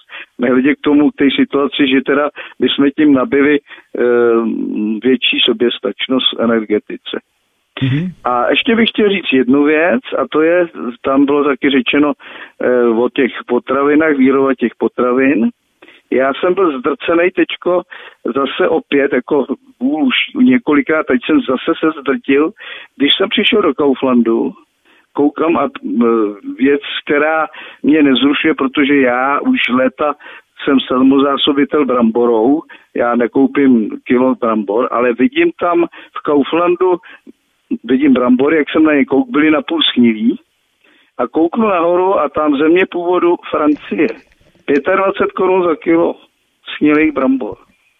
No, vida. A teďko, protože jsem takový blbeček, komunikativní, tak hned prvního člověka, nebo tam šli nějaký dva lidi, pánové to byli, mladší a starší asi táta s, s synem, tak jsem říkal, pánové, helejte, podívejte se tadyhle na, to, na ty brambory a na tu ceduli. Není vám to nějaký divný? A oni koukli a řekli, nás to nezajímá, takový jako kdyby neotravují nás. No ale já jsem se nenechal odradit a zastavil jsem dalšího a ten kouk a řekl, no to máte svatou pravdu. Ale to víte, to je těžký a šel dá. Takže já nevím, kolika lidem je to šumafuk jedno, ale jsou lidi už, kteří se zajímají. Takže já bych to viděl tak, že tyto brambory bych nekoupil prostě. Brambora není zas tak, že bych si řekl, já si udělám bramborový salát, tak za každou cenu tu bramboru musím koupit. No tak ji nekoupím, koupím ji třeba jinde, kde je dovozce nebo výrobce náš. My asi nějaký brambor ještě tady vyrábíme taky něco. No a takhle bych, takhle bych se snažil eliminovat eh, tady ty nehorázný eh, dovozy z nějakých, dokonce jsem jednou viděl i z Izraele brambory, co to je, to, to, to prostě není možné, to je blbost první třídy. Nehledě k tomu, že ty, ty země hold to mají dotovaný, to zemědělství, takže uh, klidně tady to se takhle praktikuje, že, jo? Že ten, ten dovozce to nakoupí levnější než tady od toho naše brambory. No. A je logický, když to ve Francii dobydou, umejou to, dneska se všechno meje, aby to bylo čistě učtí. No a než to sem dojede, jak je to snílí. To by byl div, kdyby to nebylo sníh. No, takže tak, co to je, to, to, to někomu hmm. nevadí. Ne, já neříkám ty, ty obchodníci, tak ty jak si jdou do toho, aby z toho měli zisk a nekoukají, jestli to je naše nebo koho, nebo to je z z měsíce, brambory dovezený. Hlavně, že na tom vydělají, že jo. ale tady Právě. stát by měl pečovat o to, aby, a, na, a ne, to už nehledím na tu ekologickou zátěž, když ten kamion se jede tamhle z Francie, že jo. Mm-hmm. Dobře, no to Petře. máme sam, no, takže to já jsem se rozohnil a já takže končím. Rozohnil no. si, je to zajímavý, teď jak jsem přepnul tu kameru, tak se eh, echo objevilo. Jak u mě, tak ale i u tebe na tom telefonu. Tak já to no, vidíš, nechápu. Teď no. zase pořádku, ale tak, všichni ostatní jsou špatně. Tohle to je po zvyku, víš, to je po zvyku. Já nevím, co s tím. Ale když si, když si někdo zvykne na to, co se tady děje, tak na nějaký echo, jo. tak jo, takže končím, mějte se krásně. Děkujeme, ahoj, ahoj. Tak, Honzíku, eh, začni teď odpověst na to, jestli teda je na co odpovědět, protože Petr si odpověděl sám. No tak já bych těm věcem jenom dodal ty eh, brambory, jak se dovážejí. Já jsem slyšel o případu, kdy eh, do sebe narazily dva kamiony, které vezly vajíčka a nevím, tak jeden jel ze severní Evropy do jižní, druhý jel z jižní Evropy do severní a prostě v obojí vezli vajíčka a zrazili se, byla to nějaká velká škoda, ty vajíčka se rozbily, ale prostě je to antilogika jako proč jeden vez vajíčka vajíčka na to někam do toho státu, odkud ten druhý bez vajíčka do jiného státu. To je prostě, a to je dneska úplně se vším. A je to hlavně tím, že ten trh je absolutně pokřivený těma dotacema, které prostě, když, když je to předotované, hlavně to zemědělství, tak to působí naprosto v tyhle ty nelogické věci. A jak tomu řeknu ještě k těm bramborám, já beru brambory, v Rokycanech je takový krámek, kde dávají místní pěstitelé eh, prostě své přebytky a je tam berou asi, ale oni jsou drahé, asi 15 korun za kilo a fakt jako to jsou poctivý český brambory. Jako já bych do toho kafilerlandu ani nikdy nevles a jako Tady taky bych doporučil divákům a posluchačům úplně se vykašlat na nějaké ty kafilerlandy a blily a tyhle ty Hitler markety a prostě opravdu nacházet jednak místní nějaké farmáře, statkáře, ale i třeba nějaké, nějaké menší obchůdky a takhle, protože i když třeba v Kauflandu si koupíte něco českého, tak pořád ten zisk z toho jde k majitelům Kauflandu do Německa. A podle mě bychom se to podle mě bychom měli ty zahraniční řetězce, ty supermarkety a takhle bychom je měli nechat takzvaně vyhladovět a měli bychom skutečně podpořit uh, ten jednak ten přístup, kdy ty farmáři, ty statkáři, ty pěstitelé to prodávají přímo těm lidem, buď anebo skrz nějaké obchody, nějaké řetězce, ale české, které daní tady v Česku, ze kterých ty peníze neodtékají někam pryč. To je velice důležitý bod, o kterém se ale tady bohužel moc nemluví. Mm-hmm. Dobře, já pořád zkouším to, co se tady děje, takže jsem nějak eh, moc eh, neposlouchal zase, co, co říkáš, ale snažil jsem se odposlechnout, eh, jak to vlastně všechno je s tím zvukem. Nicméně, teď tu nemáme nic, my jsme řekli, že možná dáme ještě jednu písničku, víc? Hmm. Honzo, no, tak já tu mám nějakou připravenou ještě, takže tam dám kapelu Škvor, Sraž nás na kolena. Doufám, že to nebude taky s echem. Tak eh, jedeme, já to zkusím.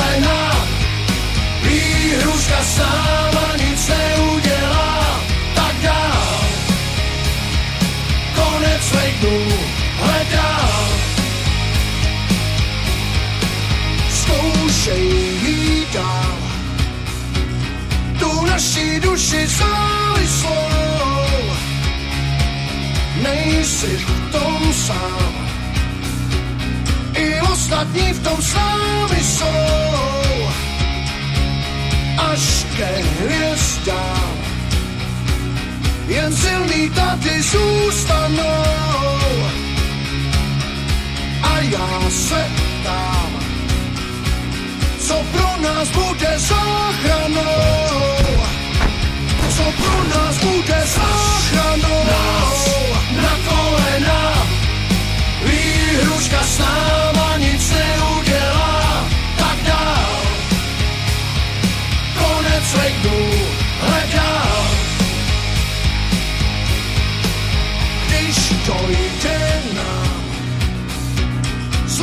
Časy se tu rýsujou, tu sílu znám. A v mozku myši fízlujou, a v mozku myši fízlujou. Nás na kolena, výhruška s náma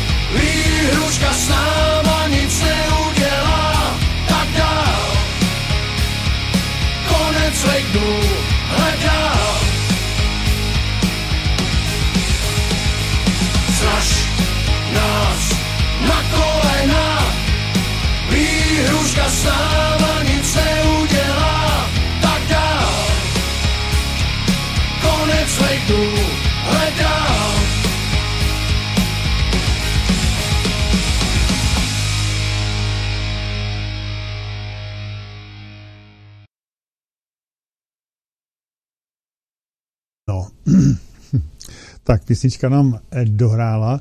Eh, Během písničky se nám dovolal tady posluchač z Plzně, občas náš spolupracovník, taky Petr. Takže Petře, eh, teď si ve vysílání, můžeš mluvit, prosím? Tak, dobrý den, slyšíme se, můžu mluvit, je to v pořádku? Ano, ano, ano, je to v pořádku, Tak, jestli tam bude ozvěna, asi jo, nevím, ale mluv, prosím tě. Zdravím posluchače, já bych chtěl reagovat na tu ekologii a na tyhle ty věci, které byly řečeny asi před 15 minutama. Jo? Já chci říct jenom věc, jednu věc. Parní lokomotivy, které fungovaly prostě, já nevím, před kolika lety, tak byly ekologičtější než současné elektrárny a současný prostě výroba elektřiny a tak dále. Jo? Je to jedna a jedna je dvě a je to selský rozum. Když si uvědomíte, že když pojede 100 km do Prahy elektrická lokomotiva, kde 100% vyrobím uhlí, jo, tu elektřinu z uhlí, jo, tak potom, když vynásobím účinnosti, kde se to násobí krát, krát, krát, to znamená, že mám účinnost nějaký že jo, výroby. E, Na elektrárně tam je to 45%, pak jako cirka plácám teďko nesmysly možná a možná ty čísla nebudu souhlasit. Jo. Takže na elektrárně 45%, soustava to zase sníží, řekněme třeba 80%, eh, elektromotor třeba 95% a další věci, takže se dostanu na účinnost 5%. Když to vynásobím, dostanu se celkově na účinnost 5%. Takže mám kilogram uhlí a 5% z toho uhlí využiju na 100 km Praha Plzeň. A když pojede párovka, tak párovka, kde to vytěžím, a to samý uhlí, který předtím hodím do elektrárny, tak hodím do párovky a spálím ho, tak se dostanu na 48%. Takže No, já si myslím, že parní- jako parní- zamyslet, Počkej, parní stroj má, myslím, účinnost, jestli si pamatuju, něco kolem 8%. Ne, ne, 25. 25 ze všem všudy. Bohužel, Jo? 25 ze všem všudy, jo. My jsme to počítali, já jsem to hledal. Já to či, učím, eh, učím uh, uh, jakoby teda energetiku, elektrotechniku a tak dále. A vždycky to klukům v prváku dávám tuhle tu účinnost na starost, jo. A mm, dospěli jsme i k názoru a potvrdili mi to spoustu kolegů, co takhle jako eh, tam se mnou spolupracuje, že mám pravdu, protože účinnost elektřiny dneska se pohybuje okolo 4 až 10 takže mi vlastně okolo 4 až 10% se pohybuje účinnost elektřiny, když se vezme globál, Jo, to znamená doprava, že jo, svícení a tak dále. Teď jsem trošku odbočil od té párovky. To znamená, když se vezme doprava e, a tak dále, tak je 4 až 10% je účinnost elektřiny, což je strašně šílený. Protože si musíme uvědomit, že 90 vlastně jde do luftu. Hm, jo, ale když se, se bude užívat pro, jako přímo, když budou ostůvky, tak ta účinnost elektřiny se strašně zvýší. Jenom hmm. tím přenosem, prostě, jo. Jenom ta přenosová soustava. No ještě, samozřejmě, prostě. samozřejmě, samozřejmě, rozumím to. Ale já jsem tady načet na Wikipedii výsledná účinnost, výčinnost podle typu stroje a kotle mezi 5 až 15 procenty. Tak já nevím, no. No dobře, dobře, no tak kdyby to bylo těch 15, dobře, tak stejně to pořád víc než těch 5, ne? No tak to určitě, no. Dobrý, děkuju, jo? děkuju, děkuju moc. A nehledě, ještě, ještě chci říct jednu věc, že i když se ty elektrárny teda odcířujou, tak tam je strašný spoustu energií na to, že já musím vytěžit teda ten vápenec, musím vytěžit tam dopravit to, já nevím, s Berouna, dejme tomu do Tušimic, že jo, to musím dopravit vlakama nebo já nevím čím, že jo, a pak to pustit teda do těch, do těchto, takže tam taky je to prostě špatně, jo, když to, když to prostě pustím třeba dejme tomu do ovzduší rovnou a já nejsem jako, možná teď budu proti ekologické a možná mě rozavře, jo, ale když to pustím do toho komína rovnou bez tuhle z toho cíření, tak dostanu větší účinnost a vlastně budu víc přírodu, když to, když to kolem a kolem. Selský rozum, bohužel. Hm, dobře, jak myslíš, no? Já nevím, jestli k tomu něco máš, Honziku, ty ještě. To je asi věc takového názoru, no. Tam jde zase o to, že když třeba ten vlak jede obydlenýma oblastma, tak když vypouští prostě tu, ty sploginy z toho uhlí přímo takhle do těch obydlených oblastí, tak zase je to, to takhle, ono to má všechno svoje pro a proti ale spíš by to tady doplnil ještě některými věcmi, jako eh, co s tím souvisí například eh, od mě to u elektron, elektromobilů, že když se nabíjí elektromobil, tak ono tím, jak to je neúčinné to nabíjení, tak se odhaduje, že asi 20% z toho, co se tam jakoby dobije, se zase ztratí. To je něco jako... Zimě, to, je něco jako když jste tankovali, já nevím, kolik, 20 litrů benzínu do nádrže a z toho prostě 4 litry se najednou vycmrdnaly na stranu.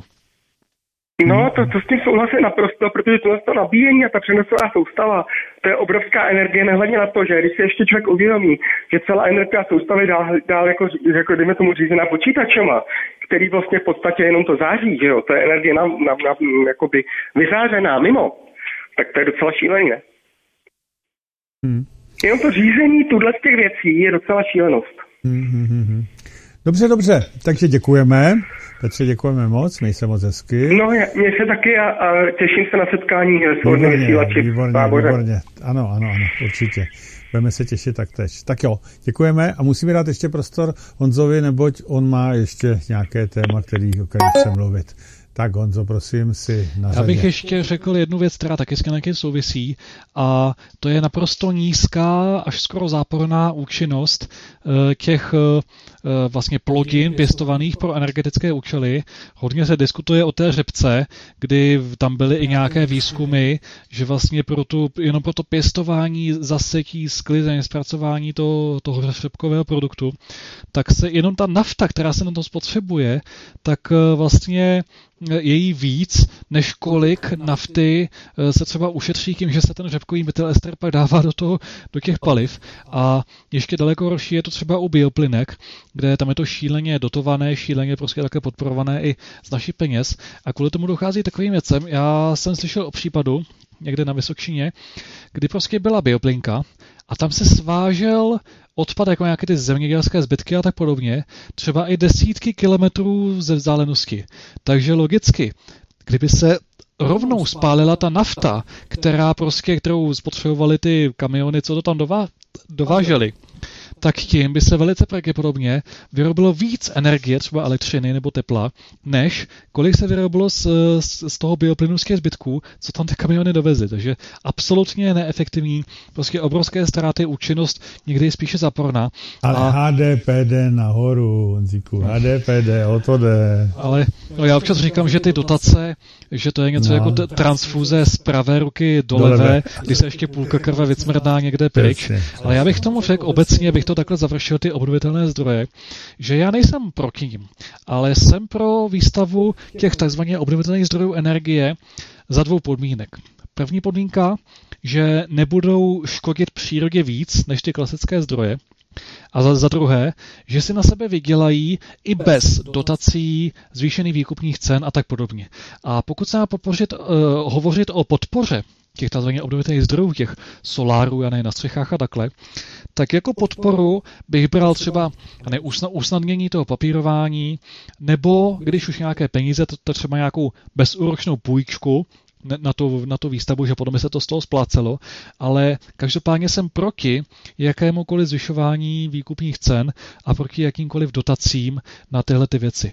Protože prostě ekologické to není vůbec, ať už to jsou ty generátory tam v těch větrných elektrárnách, velice podobný princip je třeba u těch akumulátorů a u toho mechanismu v elektromobilu, elektromobilech, ty právě se těží ty kovy, jejich těžba je velice ekologicky náročná, takže prostě přírodě to nepomáhá vůbec a je to spíš spíš jenom ideologie tohleto prosazovat, než by to té přírodě reálně pomáhalo.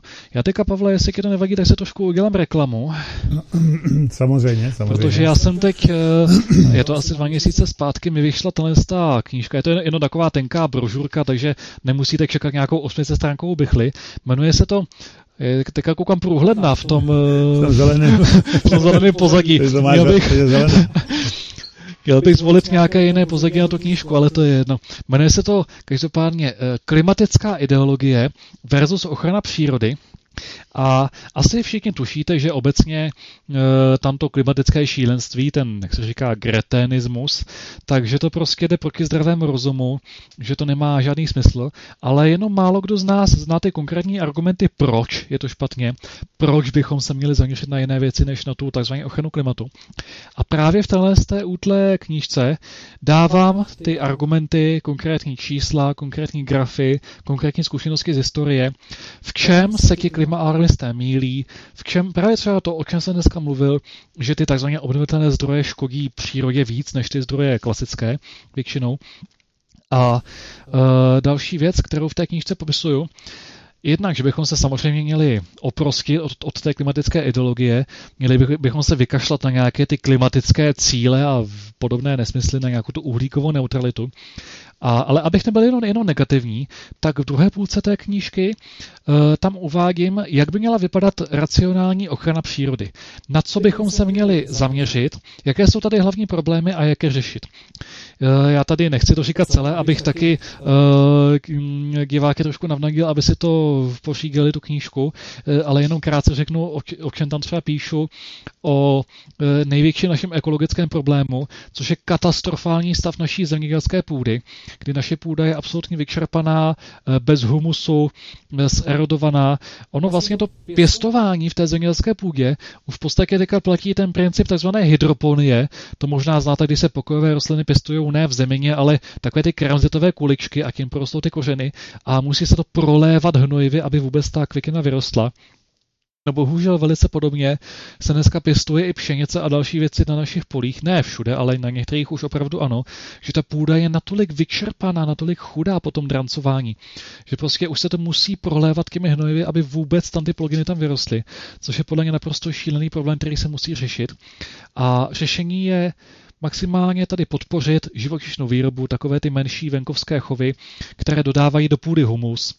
Podpořit prostě i třeba venkovní pastvu, ty pastviny, to je úplně ideální možnost, jak tu půdu obohatit, jeteloviny a prostě různé i systémy které zadrží v krajině vodu, to s tím také souvisí, že jednak, když bude v půdě víc humusu, tak, tak se ta voda zadrží. Dá se ho zkombinovat i s různými jako sakovacími průlihy a tak podobně. Všechno to popisuju v té, v té knížce a kdybyste o něj měli zájem, jednak ji můžete přímo u e, nakladatele na, je, je to vydavatelství ABB, naleznete to na, e, v, v celku se to píše knihy abb.cz a nebo já jsem neka e, taky poskytnul jednu Pavlovi, takže jestli je nějaký ten e-shop svobodného vysílače, tak tam by se taky ta kniha mohla objevit mm-hmm. spolu i s dalšími mými knihami. Eh, ty další moje knihy, to jsou teda povídkové knihy, to nejsou odborné, tohle je první odborná, ale každopádně i ty jsou případně dispozici. Takže teda, než bych si chtěl dělat reklamu, ale tak jenom začnu. Ale když si. Přesně. Ne, ty knihy samozřejmě jsou tam, ale v našem e-shopu, když to tak nazvu, on to není takový e-shop, je to takový trochu něco jiného, je to tam, ale nemáme je, Honzíku. My jsme tě několikrát říkali, že potřebujeme no. dodat Nemáme je momentálně, takže musíme... Ale tak mi to příště hlavně připomeň, jak je, jak je přivezu. Akorát ten koronameron musím ještě doobjednat, ale to, to nějak půjde. To je, to je mimochodem má předposlední kniha Koronameron, to je, se znáte Decameron od Giovanni Boccaccia, to se odehrávalo za morové epidemie, tak já jsem nekal napsal takové humorné vyprávění, které se odehrává za korony, to se jmenuje Koronameron a taky to tam bude, taky to tam bude dostupné. Tak a teď asi už nemáme tolika času, ale ještě krátce... Jestli tam ještě co máš, tak pár minut no. ještě, ještě máme No, tak na pár minut to ještě bude. O tom, kli, o tom klimatu to je takové vděčné, vděčné téma, že se o tom dá sáhodlouze mluvit, že například eh, to, to mě dostalo jestli jste viděli poslední díl Máte slovo na české televizi, mimochodem to je jeden z mála pořadů, na který se dá ještě koukat, že tam eh, česká televize aspoň, aspoň tam občas dá jako prostor i opačným názorům. Jsi Jílková? No, Jílková. No. Ona sice je taková no. histarka, jako skáče tam do řeči, ale aspoň občas jako nemůžeme jenom kritizovat, prostě musíme občas i jako říct, že tam sem tam nějaké zrnko opačného názoru se objeví.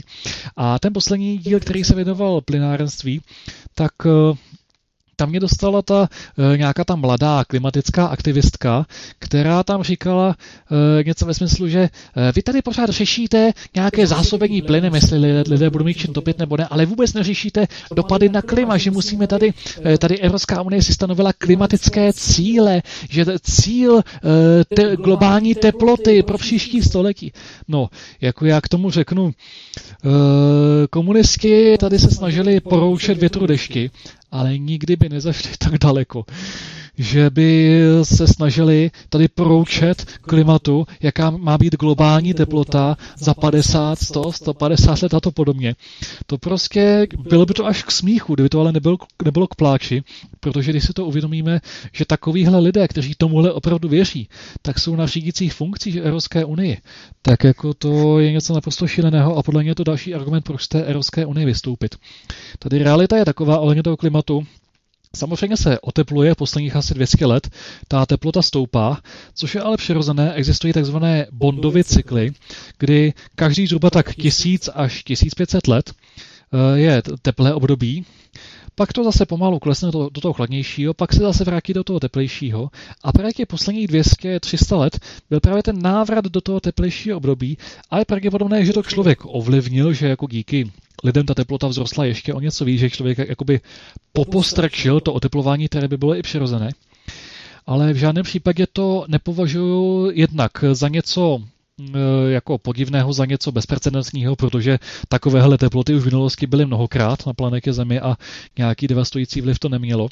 A Druhá věc, co s tím souvisí, v těch minulých, minulých tisíciletích vždycky platilo, že teplejší klima přinášelo blahobyt, rozvoj civilizací, eh, bohatou úrodu a tak podobně. A naopak chladnější výkyvy přinášely neúrodu, bídu, hladomory a kolaps často celých civilizací. Krásně je to vidět na dějinách Egypta i třeba starověkého Říma, že prostě vždycky, když bylo to teplé období, tak e, ta, ta civilizace narůstala a prosperovala a naopak, když bylo chladné období, tak ty, ty civilizace prostě upadaly. A myslím si, že bychom měli být rádi, že se tady otepluje. A pokud to člověk nějak ovlivňuje, jakože asi nějaký vliv tam bude, tak bychom si za to měli ne nadávat a snažit se to zastavit, ale naopak bychom za to měli být rádi, že tady eh, narůstá ten potenciál, že díky tomu je tady delší vegetační doba, díky tomu, pokud krajina dokáže pracovat s vodou, pokud krajina dokáže zadržet vodu, tak jsou mnohem lepší podmínky pro zemědělství, je mnohem víc času pro venkovní aktivity, pro stavebnictví a všechno to všechno ty argumenty popisují i v té, i v té své knížce. A rozhodně není pravda takovéto dogma těch klima alarmistů, kteří říkají, že čím chladněji, tím lépe. Ne, prostě teplé klima Historicky jsou důkazy na to, že teplé klima spíše prospívá, než by škodil. No, ono to může být taky tím, že spíše, nebo dříve, nebyla ta civilizace takto technicky rozvinutá. A e, možná, že to právě to teplé klima tomuto ekonomickému systému škodí. Dřív mu vyhovuje asi to studenější, kdy je větší spotřeba samozřejmě energií a podobně. A zase řeknu, roste HDP a na tom je to všechno postavené. Můžou banky tím pádem víc půjčovat a o to jim jde, protože všechno se to vztahuje vždycky k HDP. No. Ono, že roste HDP nebo tyhle ty ukazatele, podle mě daleko eh, jako realističtější ukazatel je, jak roste životní Samozřejmě. úroveň běžného Samozřejmě. člověka. Protože oni třeba teďka říkali, že eh, průměrná mzda v České republice eh, vyrostla na 40 nebo přes 40 tisíc korun.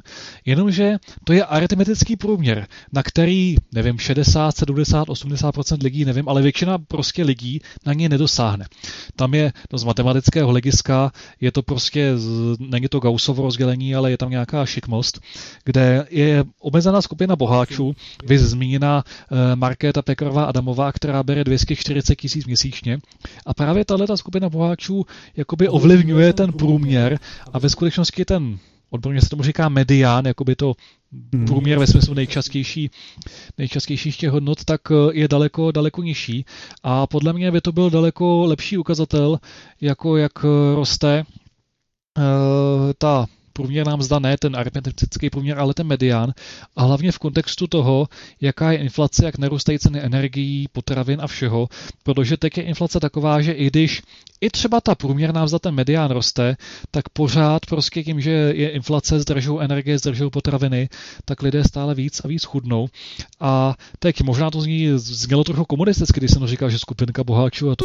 Jako já nemám nic proti tomu, když někdo je opravdu schopný, založí firmu, je, ta firma je úspěšná, vydělává, nebo někdo je hodně schopný zaměstnanec, má ty odměny, zaslouží si je, nic proti tomu. Ale jsem rázně proti tomu, aby z našich daní, z peněz daných poplatníků, byly placeny jednak různé ty takzvané neziskovky, jednak aby e, politici dostávali takhle přemrštěné platy a ještě k tomu odměny. Jako já si myslím, že by to e, hlavně v tom veřejném sektoru by ty odměny a ty platy měly víc e, jakoby odpovídat tomu, co ten člověk reálně udělá pro naše lidi, reálně udělá pro náš národ. Jenomže v tom případě by Markéta Pekarová, Adamová a Petr Fiala ne, že by eh, měli takový, takový vysoký plat a nejenom, že by měli nižší plat, ale ještě by museli oni doplácet. A myslíš, že ty by si se dostal do politiky, do nějaké funkce, že by tě to taky vadilo, ten velký plat, který by si dostával? Uh, řeknu ti to takhle. Já bych si našel, eh, kolik je ta poměrná mzda, ne ten, jako ten aritmetický poměr, ale ten medián, jako to, co reálně odpovídá. A z, té poslen, z toho poslaneckého platu bych si nechal právě jenom tohleto, aby, abych prostě měl motivaci uh, tu mzdu těch obyčejných lidí co nejvíc jako svými kroky zvyšovat, tak přesně tohle bych si nechal a všechno ostatní bych věnoval na dobročené účely. A? Tak takhle ty bys to udělal šikovně. Ano, v pořádku. Já eh, bohužel už musím tento dnešní rozhovor ukončit, protože už máme pět minut po 11. hodině. On ještě taky musí dojet z domů, eh, vyspat se trošičku. Takže Honzo, já tě moc a moc děkuji za dnešní pořad. Mrzí mi, že jsme to měli zvukově špatný. Bohužel se to nenechalo zjistit předem, eh, že to takto bude se chovat příště snad to bude už v pořádku. Takže děkuji ti moc a moc. Měj se moc krásně. Věřím, že se ukážeš na setkání a že tam budeš moc lidem taktéž něco povědět.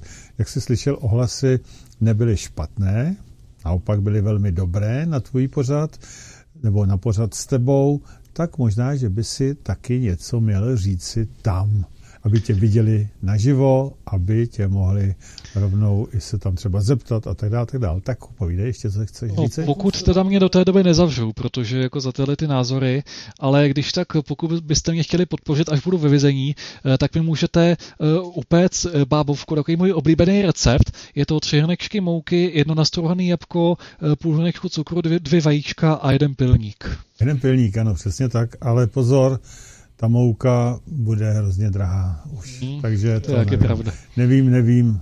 Takže možná, že nakonec je tam přijde jenom ten pilník a to by zase neprošlo. No, nevím. Doufám, že nezavřou i mě. Dneska jsem měl soud, jak všichni víte. Takže um, dál to pokračuje, taková šaškárna, no, ale uvidíme asi. Já věřím, že to bude všechno, všechno v pořádku. Takže ještě jednou, mějte se hezky. Se mnou se uslyšíte a uvidíte až v pondělí, já mám teď ten krátký týden, no a s Honzou se uvidíte patrně nejdříve na srazu svobodného vysílače a potom někdy do budoucna určitě. taktež. Mějte se moc a moc hezky. Krásný večer. A přemýšlejte vlastní hlavou. ano, tak.